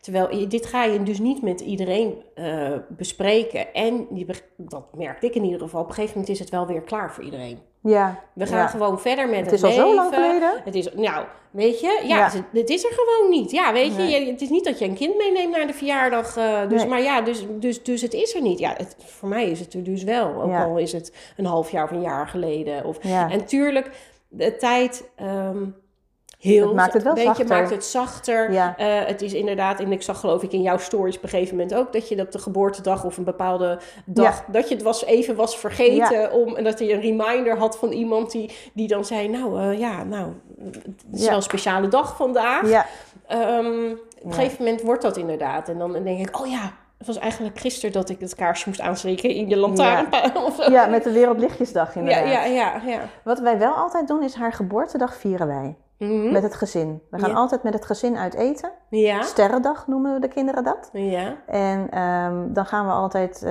daarna bij ons in de tuin opnieuw ballonnen loslaten. Oh. En dan voor ieder van ons. Ja. En dat blijft een heel mooi verbindend element. Ja. Dus 30 augustus is gewoon de dag, dan, dan eh, spreken we s'avonds niks af. En ook nu mijn kinderen hun eigen weg daarin gaan, dan houden ze er altijd rekening mee. Dus in welk jaar was dit? Van... 2017. Oh ja. Ja. ja. Dus dat is wel, eh, dat, dat zal voor ons altijd sterrendag blijven. En intussen Ja. gaan we dan wel overdag bijvoorbeeld naar ons werk of naar school of wat dan ook. Ja, precies, Niet de hele ja. dag staat erbij stil. Nee. Maar met het avondeten zijn we met z'n allen gaan we uiteten om ook bij haar stil te staan. Mooi. Ze had, ja, dan zeggen de kinderen wel de jongste, ja, ze had eigenlijk nu jaren geweest. Nee, dat niet. Ja. Ja. Maar ze is toen wel geboren. Dus het is Ja. haar jaardag, zeg maar, sterrendag. Ja. Ja. ja. Oh, wat mooi joh. Ehm, nou ja, je hebt het al een paar keer genoemd. Je hebt daarna ook nog een kindje gekregen. Ik ook. Ja. ik, ik denk dat dat dan ook een stukje zeker... ehm, ehm, ja, je vervangt niet het kindje, maar het, het, verzacht wel een beetje de pijn. Het is Dus helend. Het is absoluut helend. Dus ik kan me zo voorstellen dat als dat niet gebeurt, als jij daarna nooit meer moeder Zo. wordt, dat dat echt wel. Ik, het voelde voor mij alsof je dan een, een boek hebt met een open einde. En Ja. het is gewoon niet, het kan niet gesloten worden. Het kan niet gesloten worden. Het kindhoofdstuk kan niet gesloten worden. Nee. Zo voelde dat. Ja? Want dat, dat kan bij, en ik kreeg dus na sterren nog twee miskramen. Toen dacht ik, nou, het is dus niet meer weggelegd. nee. Oeh, dat vond ik heel moeilijk. Ja. En toen het uiteindelijk dus wel zo was, ja, het was wel ook extra spannend. ja, oh. En ik heb vanaf het begin af aan wel het vertrouwen gevoeld van dit komt goed. Maar waar ik merk dat het echt, ehm, je bent in beschadigd, Mhm. is eh, mijn angst gaat nu van 0 tot 100. Dus als ik even minder leven voelde, Mhm. oh, hij is dood. Of het gaat helemaal mis. Ja. En dat van 0 tot 100 ineens, bam! Terwijl ik heel erg vol vertrouwen en dit komt goed en dat voelde ik echt. Behalve als er een zweempje van angst kwam, dan was die volledig. Ja. En ik moet zeggen, dat heb ik nog steeds. Met gewoon angst in het algemeen Ja. om mijn kinderen te verliezen. Ja. Ja, je kwam tegen mij. Mijn, mijn dochter zei van vier op weg naar school aan de hand. Mama, soms gaan broertjes en zusjes dood, hè? Ja. Ja. Ik kon niet zeggen. Nee. Nee. Nee. Want we stonden op het crematorium. Ja. En zij voelde het ook heel goed aan. Zij was erbij toen ik het telefoontje kreeg, mijn twee jongste kinderen. Oh ja, en ik moest heel erg huilen natuurlijk. Ja. Waarom huil je mama? Ik zeg, ja, de baby is heel erg ziek. Zei ze, oh. Dan gaat ze steeds minder en minder en minder leven tot ze niet meer leeft. Wat zei zij toen? Dat zei ze toen. Dus en voor hun is dat... ehm, dus ja, het is een realiteit. En het is voor mij ook een realiteit. Ja. Verlies ligt net zo dicht bij het leven. Ja. Dat wat het dus ook heel kwetsbaar maakt. Ja. En daar heb ik echt, eh, ja, daar ben ik nu echt wel met therapie voor bezig geweest. Ja. Na al die jaren. ja. Want het is nooit te laat Nee, nou, precies. om daarmee aan de slag te gaan. Nee, nee. zeker niet. Nee, ja, en dat wil ik dus eigenlijk ook met deze podcast wel. Door die klanten, en misschien zijn er meer mensen die dit, die ongemerkt toch vasthouden aan spullen. Ehm, tuurlijk, ik heb ook, ehm, jij hebt een altaartje, ik heb een tijd een altaartje gehad, maar ik heb uiteindelijk een memory box gemaakt. Die heb ik gekocht, die hebben we met z'n allen beschilderd en beplakt en ja, mooi versierd. Mooi. En daar hebben we alles in gedaan van eh, de zwangerschapstest, de echo's, de, de kaartjes die we kregen. Jee, je bent zwanger tot, oh jeetje, Precies. eh, wat erg sterkte en dat soort dingen. Ik had al een mutsje voor haar gekocht. Die Mhm. heeft, heeft ook bij haar gelegen toen ik haar wel in de wieg heb gelegd. Ook in haar waterbakje. ja, Ehm, en eh, een van de kinderen had geloof ik ook al een speeltje gekocht voor, precies, voor de... ja. Weet je wel, Ja. dat soort dingen, dat ligt Ja. allemaal daar. Ehm, dus een plek creëren om te herinneren. En natuurlijk is dat prima om iets te hebben, maar ik zie bij sommige mensen dat er de pijn, de verdriet, de, de boventoon hangt. Of Nou ja. eh, ze niet meer kunnen kiezen wat van belang is. Mhm. Want het kindje heeft iets niet aangehad, of ehm, kindjes wel, of eh, spullen van je kinderen die je wel hebt gekregen niet los kunnen laten, omdat het verlies van die zwangerschap nog zo Mhm. groot is. ja. Ehm, dus en, ja, ik hoop echt dat mensen. ehm, en inderdaad, de herinneringen, wat je, jullie uit eten gaan, op die manier hou je Ehm, Zonder het fysieke stukje. Precies. Ja. ja. Ja. Want ik heb het idee dat sommige mensen meer aan het fysieke blijven vasthouden. Ja, het materialistische, dat bedoel ik. Ja. Ja, ja, Ja, ja, iets wat en- je echt kan vasthouden. En dat Mhm. snap ik. Ehm, maar dat, dat laat ook weer zien, en soms in de hoeveelheid ook, hoeveel pijn en verdriet er nog zit. Ja. En dat het dus ook nooit te laat is. Een mooi voorbeeld hiervan, Lilian. Mijn man heeft het aan heel veel mensen verteld. Hij is fysiotherapeut, dus elke 25 minuten ziet hij weer mensen. Dus hij heeft zijn verhaal heel erg kunnen doen. Toen was er een vrouw van 75 en die, ging, die vloog hem huilend in zijn armen. Ze zei, Marcel, ik heb dit meegemaakt toen ik jong was en er is nooit over gesproken. Nooit. Het is weggemoffeld. Het kindje heeft ze niet gezien. Ze weet niet of het jongetje of meisje Nee, is. Het werd gewoon weggedaan. Ja, dat was gewoon. Ja. En ze, en ze zegt hoe jullie er nu mee omgaan. Zo, Zo mooi. mooi. En dat haalde bij haar dus weer een stukje van haar verdriet. Maar ook van, nou, ik heb het, Erkenning ook van dat het Ja. er ja, is is geweest. gewoon nooit over gesproken. Nee. Dus hoe belangrijk het is. En als je dan inderdaad 75 bent en je er Nou, toch even nog een stukje verdriet over kan uiten bij iemand. ja, Fantastisch. ja. ja, die heling is zo belangrijk. Een plek, een beetje erin kunnen zakken, zonder dat het... Hè, Zonder dat je het vasthoudt in je ja, lijf. Ja, ja, En anders kom je maar bij mij op de tafel. precies. Want wat krijg jij nou?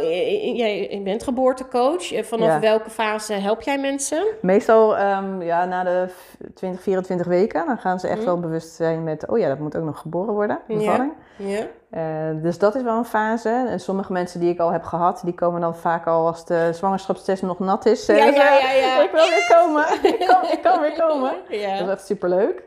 En ehm, met de reflexintegratie, daar kan ik echt wel in alle fases van de zwangerschap eh, massages geven. Zeker met een stukje stressrelease. Ja. En dat is natuurlijk heel belangrijk. Want die stresshormonen die jij in je lijf hebt, ja, die Ja. heeft de baby ook. Ja. En dat kan niet anders. Weet je wel, we zitten gewoon in een gejaagde maatschappij. Dus stresshormonen horen erbij. Mhm. Maar als er stresshormonen zijn die je liever toch eh, uit je lijf wil hebben, zodat Ja. dat niet doorwerkt, Ja. ja, dan helpt zo'n behandeling met de reflexintegratie. Ja. Dus dat kan ik op, op alle fases doen, maar ook na de bevalling. Ja. Wat zit er dan nog voor stress in je lijf? Ja, wat, wat is er met die zwangers, of de bevalling misschien gebeurd? Ja, nou Ja. sowieso bevallen. Ja, eh, is ja. gewoon wel echt. Nou, de een de is wat traumatischer dan de ander. Klopt, Ja, zonder traumatische bevalling heb je ook gewoon, het is een, eh, een pittige tijd. Mhm. En zeker met gebroken nachten, mensen die dan toch heel snel na de kraamtijd of in de kraamtijd alweer huppakee, op de benen gaan en dingen doen. Hmm. Ja, het lijf eh, Mhm. heeft toch echt wel rust nodig. Ja. Dus dan kan het ook wel heel fijn zijn om dan zo'n massagebehandeling, het is niet Mhm. echt een massage, maar het is wel een behandeling, te krijgen juist in die kraamperiode of daarna. Oh, dat had me fantastisch Het kan alsnog, Lilian. Oh, Je mag echt? het echt zeker weten, zeker. Ja, Ja, ja, ja. joh? ja. Wil je het een keer ervaren? Ja? Nou, kom een keer. Oh, wauw. Ja. want ik weet dat tijdens mijn ehm, eh, nou, de, de tweede bevalling, toen, eh, die is gewoon thuis. De laatste twee jongens zijn gewoon thuis. Heerlijk. Bevallen is gewoon gelopen zoals ik had dat Oh, eh, bedacht, fijn. zeg maar. Helend, ja. Eh, ja, heel helend. Het was het laatste stukje kende ik dus niet, hè, echt tot persen, want daar Ja. was, ik bij of, eh, geholpen eh, bij de eerste. Ehm, maar toen heb ik best wel heel veel bloed verloren. Toen- en toen Oh. moest ik nog een keer plassen voordat ik ging slapen. En inmiddels was iedereen weg. En toen ben ik uiteindelijk op de grond van onze badkamervloer beland. Ik heb mijn man nog nooit zo angstig gezien. Daarna niet, daarvoor niet. Die dacht echt, nou, ik heb nu een baby in mijn bed. Ik, een peuter in de bed, die heeft overal doorheen geslapen. Het was echt ideaal. Ze had echt overal doorheen geslapen. En ik lag daar ineens eh knock-out op de vloer. Nou, uiteindelijk ben ik bijgekomen en ehm, is iedereen weer opgetrommeld. Oh, ja. En eh, om alsnog te plassen. Ehm, waar wilde ik nou heen? Stress, daarna Eh, oh ja, tijd. En, en toen eh, door die bekken eh, wat ik bij hem had, ehm, eh, had ik verplicht, een, en door ook het enorme bloedverlies, kreeg ik een week lang verplicht etagerust. Ja, heel goed. Moeten alle kraamvrouwen doen. Ja! Uh, alleen op die etage blijven, alleen naar de wc Ja. en weer terug. Iedereen Nou, komt wel het, naar nou, de jou. wc was al, was al... Ik kon niet eens naar zijn... Sla, zijn lo- nou ja, hij sliep bij ons. Hij sliep bij maar ik, zijn, ja. de kamer die wat ingericht waar de commode stond en Ja. weet ik veel wat... Daar kon ik niet eens komen in de eerste dagen. Dat is gewoon al te ver. De wc was Ja. dan net te doen. Ja. Maar ik kan het iedereen aanraden. Ja. Dit, ik werd nu verplicht, maar toen dacht ik zo, dit geeft echt rust. Iedereen komt maar naar Ja, mij toe. Dit is mijn bubbel. Heerlijk. Het is, ehm, en voor de hechting met de baby, heel goed. Ook voor jou als moeder, want als jij naar beneden gaat, dan gaat jouw leven weer door. En dan pak je toch de dingetjes op die je ziet. Ja. Terwijl dat echt niet de bedoeling is. Nee. Eigenlijk 40 dagen rust. Ja. Maar dat is voor ons best lastig. Doe dan in ieder geval de kraamweek. En meestal met de eerste week zeggen de kraamverzorgsters, dan moeten ze de moeders weer het bed in terugrammen. Ja. En met een tweede of meerdere kinderen moeten ze na een week het bed uitrammen. Want die weten dan hoe belangrijk het is, want je gaat die klap krijgen. Ja. Ook met een gewone soepele bevalling, Ja. waar je geen kleerscheur aan over hebt gehouden. Nee. Het bekken heeft echt die zes weken rust Ja. nodig. Ja, ik weet nog wel, ik was, ik weet niet of ik al was, nee, ik werkte nog niet, maar bij de eerste. En ehm, nou ja, ik was wel weer een beetje, hè, als al de eerste kraamweek ook af en toe beneden en weet ik veel wat. En toen kreeg ik in de, ehm, nou ja, de eerste twaalf weken kreeg ik dan kraamvisite, ook overdag. En toen kreeg ik eh, iemand op visite en wij gingen in de tuin zitten, want ze is in de zomer geboren. En toen had er blijkbaar een kat in, ehm, in de in de tuin gepoept. En zij, kon, eh, zij had twee kleine kinderen. En toen noemde ze dat zee. Maar ik voelde aan mijn hele lichaam... ik kan nu niet bukken en dit opruimen. Nee, ik was er niet aan toe. En ze bleef het maar zeggen. Ik zei, ja, ik ruim het straks wel op. En ik dacht, Oh. ik ga hem niet opruimen. Ik ga het aan mijn man vragen vanavond. Maar dat soort kleine dingetjes. En ehm, dan was zij zelf moeder. Maar ik denk dat we er soms niet genoeg bewust van zijn. Ook inderdaad in de kraam. Maar ga niet op kraamvisite en ga niet... eh, nou, waar blijft mijn kopje thee en mijn beschuitje? Nee. Wat kan ik voor jou doen? Wat heb jij nodig? Moet ik boodschappen voor je doen? Zal Ja. ik een pan soep voor je Oh. maken? Zal ik... Ja. Dat soort dingen. Dat- Eten regelen, wat ze gewoon in de oven kunnen zetten en s'avonds kunnen eten, Ja. die ouders. Ja. Geen kleertjes, maar gewoon even zeggen, zal ik even stofzuigen? Ik heb één Nou, iemand dat. gehad en ik, ja, ik denk nog aan daar. Die kwam eh, mijn ramen zemen. Ik zeg, nou, sorry hoor, dat vind ik echt niet, dat vind ik echt heel vervelend dat jij mijn ramen gaat zemen. Zegt ze, meid, ik vind het leuk om te doen. Alsjeblieft, mag ik dat voor je doen? doen. En eh, ook een vriendin die zei, ik ga jouw bed helemaal opmaken. Die heeft een bed afgehaald en echt als een hotel helemaal strak zo eromheen. Nou, cadeautjes. Yes. Ja, hè? Ja, Ja. en Ja. daar heb je echt wat aan. Want die rompertjes, als je ze al allemaal Oh, één ja. keer aan kan doen, is het al heel wat. Ja. En dan is het kort en het gaat allemaal die doos in die jij allemaal weer jaren later komt helpen om op te En ruimen. hoe vaak ik niet... eh, Ja, ze hebben het eigenlijk maar één keer aangehad. Want ik, ja, ik had er zoveel in die maat. Ja, precies. precies. ja. Ehm, eh, dus maar ik- tijdens jouw werk als geboortecoach, ehm, krijg jij dan ook wel te maken met dit soort situaties van een, een, een vroeggeboorte? Dat jij ze al be- begeleidt en dat het dan misgaat? Heb je dat meegemaakt? Nee. En dat is eigenlijk heel Oh. bijzonder, want het Ja. gebeurt natuurlijk wel. Ja. Maar dat is nog niet op mijn pad gekomen. Nee. Oh. Nee. Ja. Wel met mensen die dat al hebben meegemaakt en dan een kindje daarna krijgen. Want die zwangerschappen zijn dus niet zo Nee. Nee. bevangen meer. Nee. Dus daar ga ik wel in van, hé, maar welke momenten vond je mooi bij het ontvangen van jouw kindje? Ja, en mooi. eh, welk, eh, hoe gaan we het nu anders doen? ja. Hoe ga je om met je angst? Ja, jij schrijft eigenlijk met deze mensen een, een geboorteplan. Ja, ja. Mooi. Hey, en, en in hoeverre is hier eh, bij jou de vader betrokken? Want wat ik heb ervaren, in ieder geval in, in de verliezen die wij hebben gehad met de miskramen, is dat eigenlijk mijn man, die stond er eigenlijk een beetje naast. Het ging om mij, Mm. want ja, jij bent Ja. zwanger, jij moet eh, hè, misschien wel het eh, ja, het bevallen, het hele verhaal, de kraamhulp. Jij ligt daarna ook op de bank je ellendig te voelen, want je bent bevallen en verdrietig en weet ik veel wat.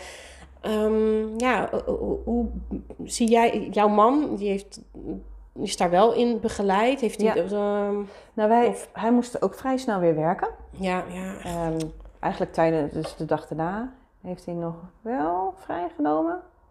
Ja, ja, hij heeft de dag daarna, dus dat uh, Sterre thuis was, heeft hij nog vrijgenomen. En dan die maandag daarna eh, moest hij weer werken. Maar wat ik net vertelde, dat is, hij kon heel vaak zijn verhaal kwijt. ja, dat is ook dus helend. dat is ver- heel erg qua verwerking. En maar dat is een prater. Mijn man is geen prater. Ik weet zeker dat hij het met niemand heeft nee, besproken. Nee, nee, dan is het, eh, wat je vaak hoort, is dat zij het meer... Wat ik merkte bijvoorbeeld, en dat hoor ik dus met andere vaders ook. Ik ging doortellen. Ik had nu eigenlijk 28 weken geweest. Ik had nu eigenlijk, en hij zei, maar het is niet zo. Nee. Want je bent niet nu 28 weken zwanger. Ja, maar eigenlijk zou ik nu uitgerekend zijn. Ja, Dat ervaarde die totaal anders. ja, Want het was een feit dat het niet zo was. ja. En dat feit was heel verdrietig. En daar zijn we verdrietig om geweest. Maar dat ligt achter ons. Dat is in het verleden. ja. En het is niet het heden. Nou, dat was voor mij helemaal niet zo. Nee. Want ik had. Hij zei, maar het is niet zo. Maar is er ook iets voor, voor mannen dan toch? Eh, net als, Nee. nee, nee, maar net als je, je gaat naar de verloskundige en zo. Ja. En, en Ja, ik, toevallig zag ik van de week namelijk iets op uh, televisie van een man die dus bijeenkomsten bij een consultatiebureau organiseert voor vaders die net vader zijn geworden. Toen Oh, dacht ik, nou, wat een prachtig initiatief. Want inderdaad, hoe vaak worden vaders ook in, in dit verliesstuk toch Ja. een beetje... Die staan, net als dat jij gaat bevallen, ernaast. Ja, klopt. Ehm, ja, en- en hoe zijn ze betrokken maken, bij ja. jou? Eh, Zijn het vooral de vrouwen die er komen? Nee, komen nee, ze samen? ik begeleid stellen. Ja, precies. Ja, Ja. bij jou komen ze wel altijd echt en soms wel hoor. Ehm, alleenstaande moeders die... eh, Oh ja, ja dat is een ander verhaal natuurlijk. Als Ja. alleenstaande moeder maar bent. Maar... eh, ik, ik zie altijd ook de vaders. En ik probeer het dan wel eens te peilen, maar ja, het is toch een beetje gesloten. Of, Ja, eh, dus dat, dat komt niet heel erg naar voren. Maar ik zit ook te denken, mijn man en ik hebben ook een keer samen een geboortedag gegeven, dus een VIP-dag. Ja? Waarbij hij met de mannen ook naar het café ging en daar nou, op de geboorte en precies. zo. Ja. En dat is misschien nog wel iets wat we een keer wat meer kunnen gaan, eh, ja, ook over verlies. Ja, en, en, en kijk, de- mijn man is dan niet zo'n prater, maar misschien zouden er wel andere dingen zijn geweest. Het feit dat je anderen hoort praten erover, waardoor je het een plek geeft. Of denkt, oh ja, ehm, ja bij mij was Ja. het altijd wel eh, dat ik erover praatte. Ik ben een prater, dus ja, Ja. Ben ik een prater. Maar ja, ehm, dus ik sprak er ook wel over. En ik heb ook altijd gezegd dat ze, ja, het is een meisje. En op een gegeven moment werd hij een keer wakker midden in de nacht. Ehm, dat was nog voor. Nou, ik weet niet meer wanneer. Maar toen zei hij: Leeuw, Leeuw, Leeuw. Ik zei: Ja, ja, wat is er nou? Eh, ik lig te slapen. Ehm, ja, jij zegt toch altijd dat het een meisje was? Nou, toen was ik natuurlijk klaar wakker. Ik Mhm. zeg: "Ah, Ja, vertel maar. Wat wil je vertellen? Ik heb haar gezien Joh, in een droom. En toen geloofde hij het. zo. Ja, maar daardoor ging hij ook met mij erover praten. Want hij wist, met jou kan ik erover praten. Eén, natuurlijk, Ja. je vrouw je hebt het samen ervaren. Maar vond ik ook heel goed dat hij daardoor meer over ging praten. Ja. Ja, soms hebben dat- mensen dingen nodig. Een inzicht of een, een, een Of aanreiking. fysieks, of, Of iets- tastbaars bedoel ik? Ja, nou tastbaars, maar dat kan ook, kan, kan ook door het horen van andere mannen. Hoe, hoe Ja, zij er zijn mee Ik omgegaan. vraag me inderdaad af, ehm, ik denk dat mannen ook eh, daadwerkelijk er gewoon meer overheen in het heden staan en daar anders mee omgaan. En wellicht door het, het horen van verhalen, dat het wel bij hun ook wel iets wakker kan maken van, oh ja, maar eigenlijk, ja, ze, ja misschien is dat bij mij ook wel zo. Weet je, dat ze er gewoon niet bewust van zijn. Nee, Maar dan, dan is het ook goed. Als ze er geen last van hebben, nee. dan is hun manier ook goed. Nou, ja, toevallig heeft mijn man wel eens gezegd zo van... Ja, maar Leeuw, voor mij... Ik denk, oh... Ik merk het ook wel. Mijn man zei wel recent eh, van ja, ik denk dat ik het toch minder verwerkt heb als, als Oh. jij. Maar meer omdat ik er heel erg veel mee bezig was. Ja, jij hebt natuurlijk als vrouw zijn ook de fysieke dingen nog daarna. Ja. Dat je weer omgesteld gaat worden. Dat je, oh ja, weet Ja. je, en al dat Ja. soort dingen. Ja, en dat, ehm, hij is zo'n huppakee doorgegaan. Maar dat is in het leven, als je bent bevallen, mannen hebben tegenwoordig iets meer dagen. Maar in de tijd dat ik kinderen Ja, kreeg, hadden ze twee dagen. En dan moesten ze ook weer werken. Ja. Dus het is eh, bevallen en opstaan voor mannen letterlijk. Ja, ja precies. Nee, dat, dat is inderdaad ook zo. Dus het is sowieso al een minder deel van het leven. Ze kunnen er minder bij En de ene is wat gevoeliger of, en, en een prater dan de andere Maar het ligt er denk ik vooral aan hoeveel last hebben ze ervan. Mhm. En als ze er last van hebben, dan is denk ik vooral het, eh, het horen van andere verhalen heel belangrijk. Ja. Ja. Dus dan niet lotgenoten, want dat klinkt gelijk al zwaar, want zoveel last Ja. heb ik er ook weer niet van. ja, ja, precies. Therapie hoeft ook dat... allemaal niet. Nee, Nee. nee. Maar ehm, gewoon zo zijdeling, zo is het in de documentaire of zo, dat je die eh, zo eens Ja. even voorbij ziet komen op de televisie. Denk je Ja. dat? Ja, ja. ja, dat is inderdaad wel. Maar daarom is het zo belangrijk dat er wel ehm, tijd en ruimte aan wordt gegeven op vlakken. Dus inderdaad programma's en zo. Dat op die manier de mannen ook Verschillende manieren. ja. Ja. bereikt eh, kunnen Podcast. worden. Podcast. Onder andere. Nou, ehm, nou, volgens mij hebben wij een heleboel mooie dingen al aan eh, kunnen Ja, dat denk ik ook, ja. van eh, dit... eh, vele facetten eigenlijk ja, hè, van dat- verlies. ja, ja. En wat, je, lagen. ja, en wat je kan doen en, en, en, en wat jij hier kan eh, doen, ondersteuning. En dus zelfs nog na jaren. Nou, ik ga er echt een keer graag gebruik van Ja, maken. Ik ben echt. heel benieuwd. Dan gaan we echt afspreken. Ja, ja, dus ja, heel mooi, heel tof, heel fijn gesprek. Heel heerlijk in het zonnetje hier. Ja, Ja, ik heb geen idee hoe laat het is. Ja. Zelfs dat. Dus dat is het heerlijk is een goed teken. dat is een goed teken. Ja, In het hier en nu, hè? Ja, dat is, dat is zeker zo. Nou, dus eh, nou, ik hoop dat onze luisteraars hier eh, tools, dingen uit hebben gehaald. ehm, om ja, als ze het zelf hebben meegemaakt, Ja. eh, of troost hebben gevonden, of eh, dingen hebben gehoord waar ze wat mee kunnen doen, of misschien mensen kennen dat ze denken, nou, Nou, dat, ja, ja. Of we weten dat iemand het gaat meemaken. Nou, ja. Dat- ze dan ook weer even terug kunnen kijken. Want ze kunnen altijd gewoon, ik bedoel, kosteloos Mm, eh, contact met mij opnemen. eh, om, om ervaringen te delen, tips te delen die ik nog weet. Of, ja. dus dat, dat is altijd mogelijk. Ook als ze deze na jaren nog. Ja, precies. horen. Ja, ja. Ja. Ja, Nee, dat is heel belangrijk dat je dat. Nou ja, het is niet voor niks dat de luisteraars die nu luisteren, die luisteren dit Ja. niet voor niks. Precies. Dat dus is eh, dat zo. hoop ik, eh, dat, nou ja, daar vertrouw ik gewoon volledig op. En ik hoor het ook wel graag als luisteraars het zelf ook hebben meegemaakt. En dat ze hier wat dingen uit hebben gehaald. Van Ja, Misschien een stukje herbeleving. Of we, we terugdenken aan. Of inzichten. Of ja. Nou, het kan sowieso in de show note van, eh, of in, in de reacties. Op Spotify kan je bij mij Ah, reacties. ja. Maar ehm, als ze dat bij jou willen verdenken, waar kunnen mensen jou vinden? En Ja, onder welke naam? Het is heel makkelijk, want mijn naam is Esther Hut. En als je er .nl achter zet, dan heb je mijn website. En daar staat ook mijn telefoonnummer voor, WhatsAppje, Mhm. berichtjes kunnen ze sturen. Ja, en ben je ook op social media te vinden? Ja, ja Esther Hut, geboortecoach. Mhm. En dat is mijn, eh, maar daar, daar moet ik nog even iets bij met reflexintegratie, die komt nog wel. Maar Ja. kan je mij altijd op vinden. Ja, en dat is op Instagram, Ja, Facebook? Instagram. Facebook ben ik niet meer zo Nee, actief. Oké, Instagram. Dus ze kunnen vooral jou daar eh, vinden. En Ja. dan je website, hartstikke goed. Ehm, nou ja, voor de mensen die eh, nu dit luisteren via Esther. Want Esther gaat natuurlijk ook dit helemaal promoten. Zeker. Hoe kunnen ze Ehm, jou vinden? Ik ben, ik ben Lilian van Thuis met Lilian. Ik ben holistisch opruimcoach. En eh, ik eh, ben deze podcast onder andere begonnen omdat ik merk dat mijn klanten tegen dingen aanlopen. Waaronder dus dit. Eh, mij kan je vinden op Facebook en Instagram onder Thuis met Lilian. Maar ook op Instagram onder Opgeruimd Leven met Lilian, de podcast. Ja. Waar je naast, eh, ehm, eh, nu heb je de, de, geluidsopname gehoord, maar daar staat een korte video. En deel ik ook de, zeg maar de, nou ja, het verhaal om en alles. Dus daar vind je nog veel meer over mijn podcast. eh, ja, Ja. avonturen, En challenges. eh, challenges, nou van alles wat ik allemaal eh, niet doe. Het is gewoon een, je bent gewoon heerlijk mens. Ja, precies. ja, het echt www.thuismetlilian.nl dus, Heel leuk. nou, wat dat betreft ben je gewoon heel veel, van heel veel markten thuis.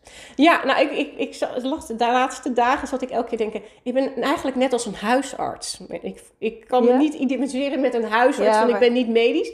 Maar ik weet heel veel. Ja. Of nee, ik weet van heel veel een beetje. Ja. En ik laat de mensen Ja. eh, die veel weten van iets specifieks aan, Ja. het, aan het woord. Want ik weet dan wel een heleboel.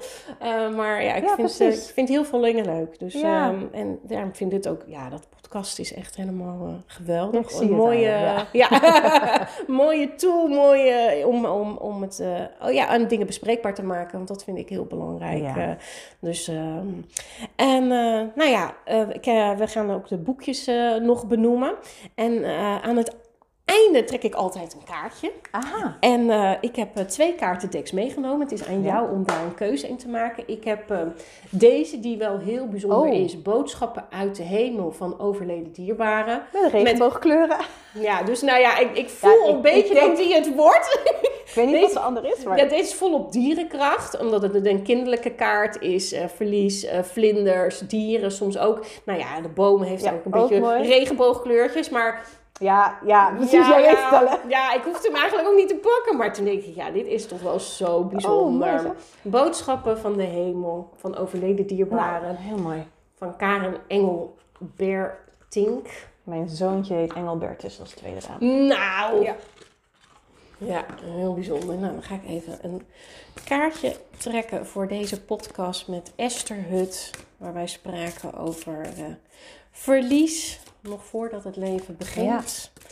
En eh, hopen dat eh, heel veel luisteraars eh, dit mag bereiken en ze hier wat uit kunnen halen. Mag ik alsjeblieft één kaartje? Nou, Dankjewel. Nummer 1. zo. En wat staat daar?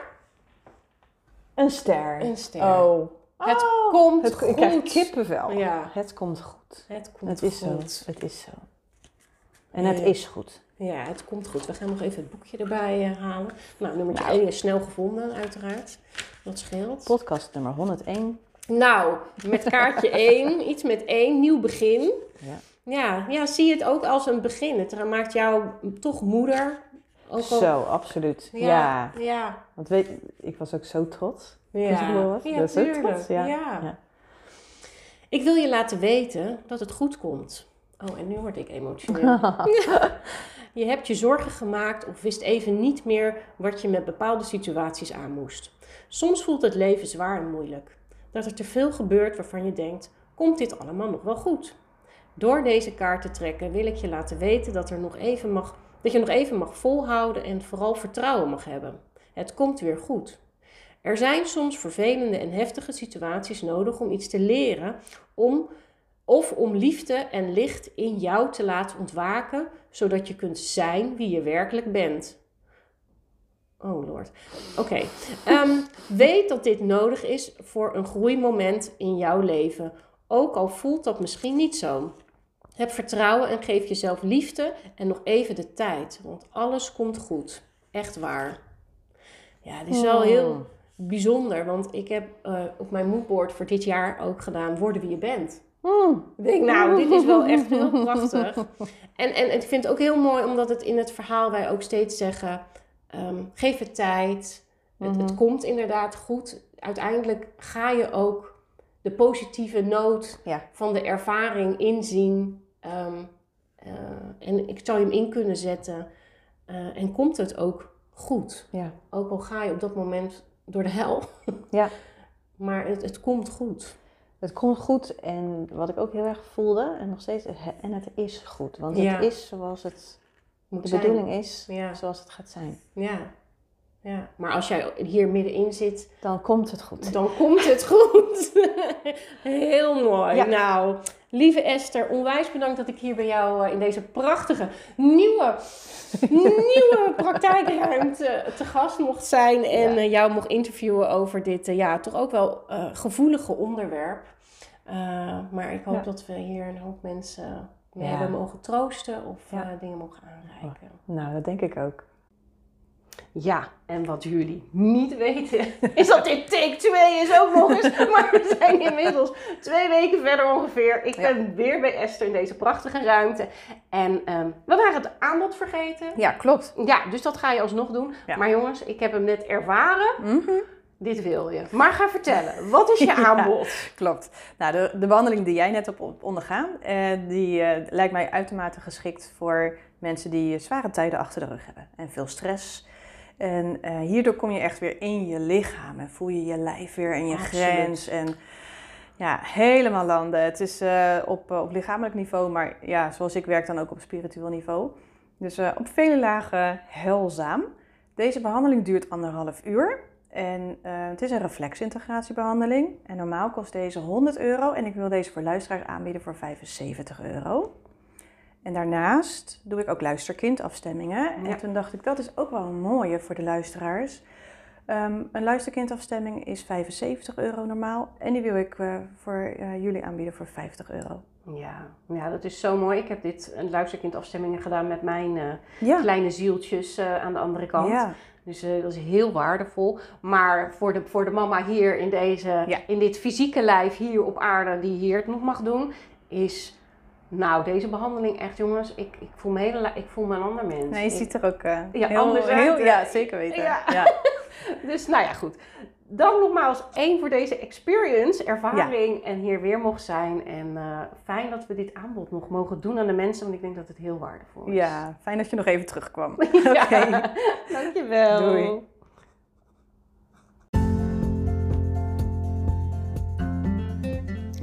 Onwijs bedankt weer voor het luisteren. Hey, en vond je deze aflevering waardevol? Maak dan een printscreen en deel hem op je social media en tag mij erin.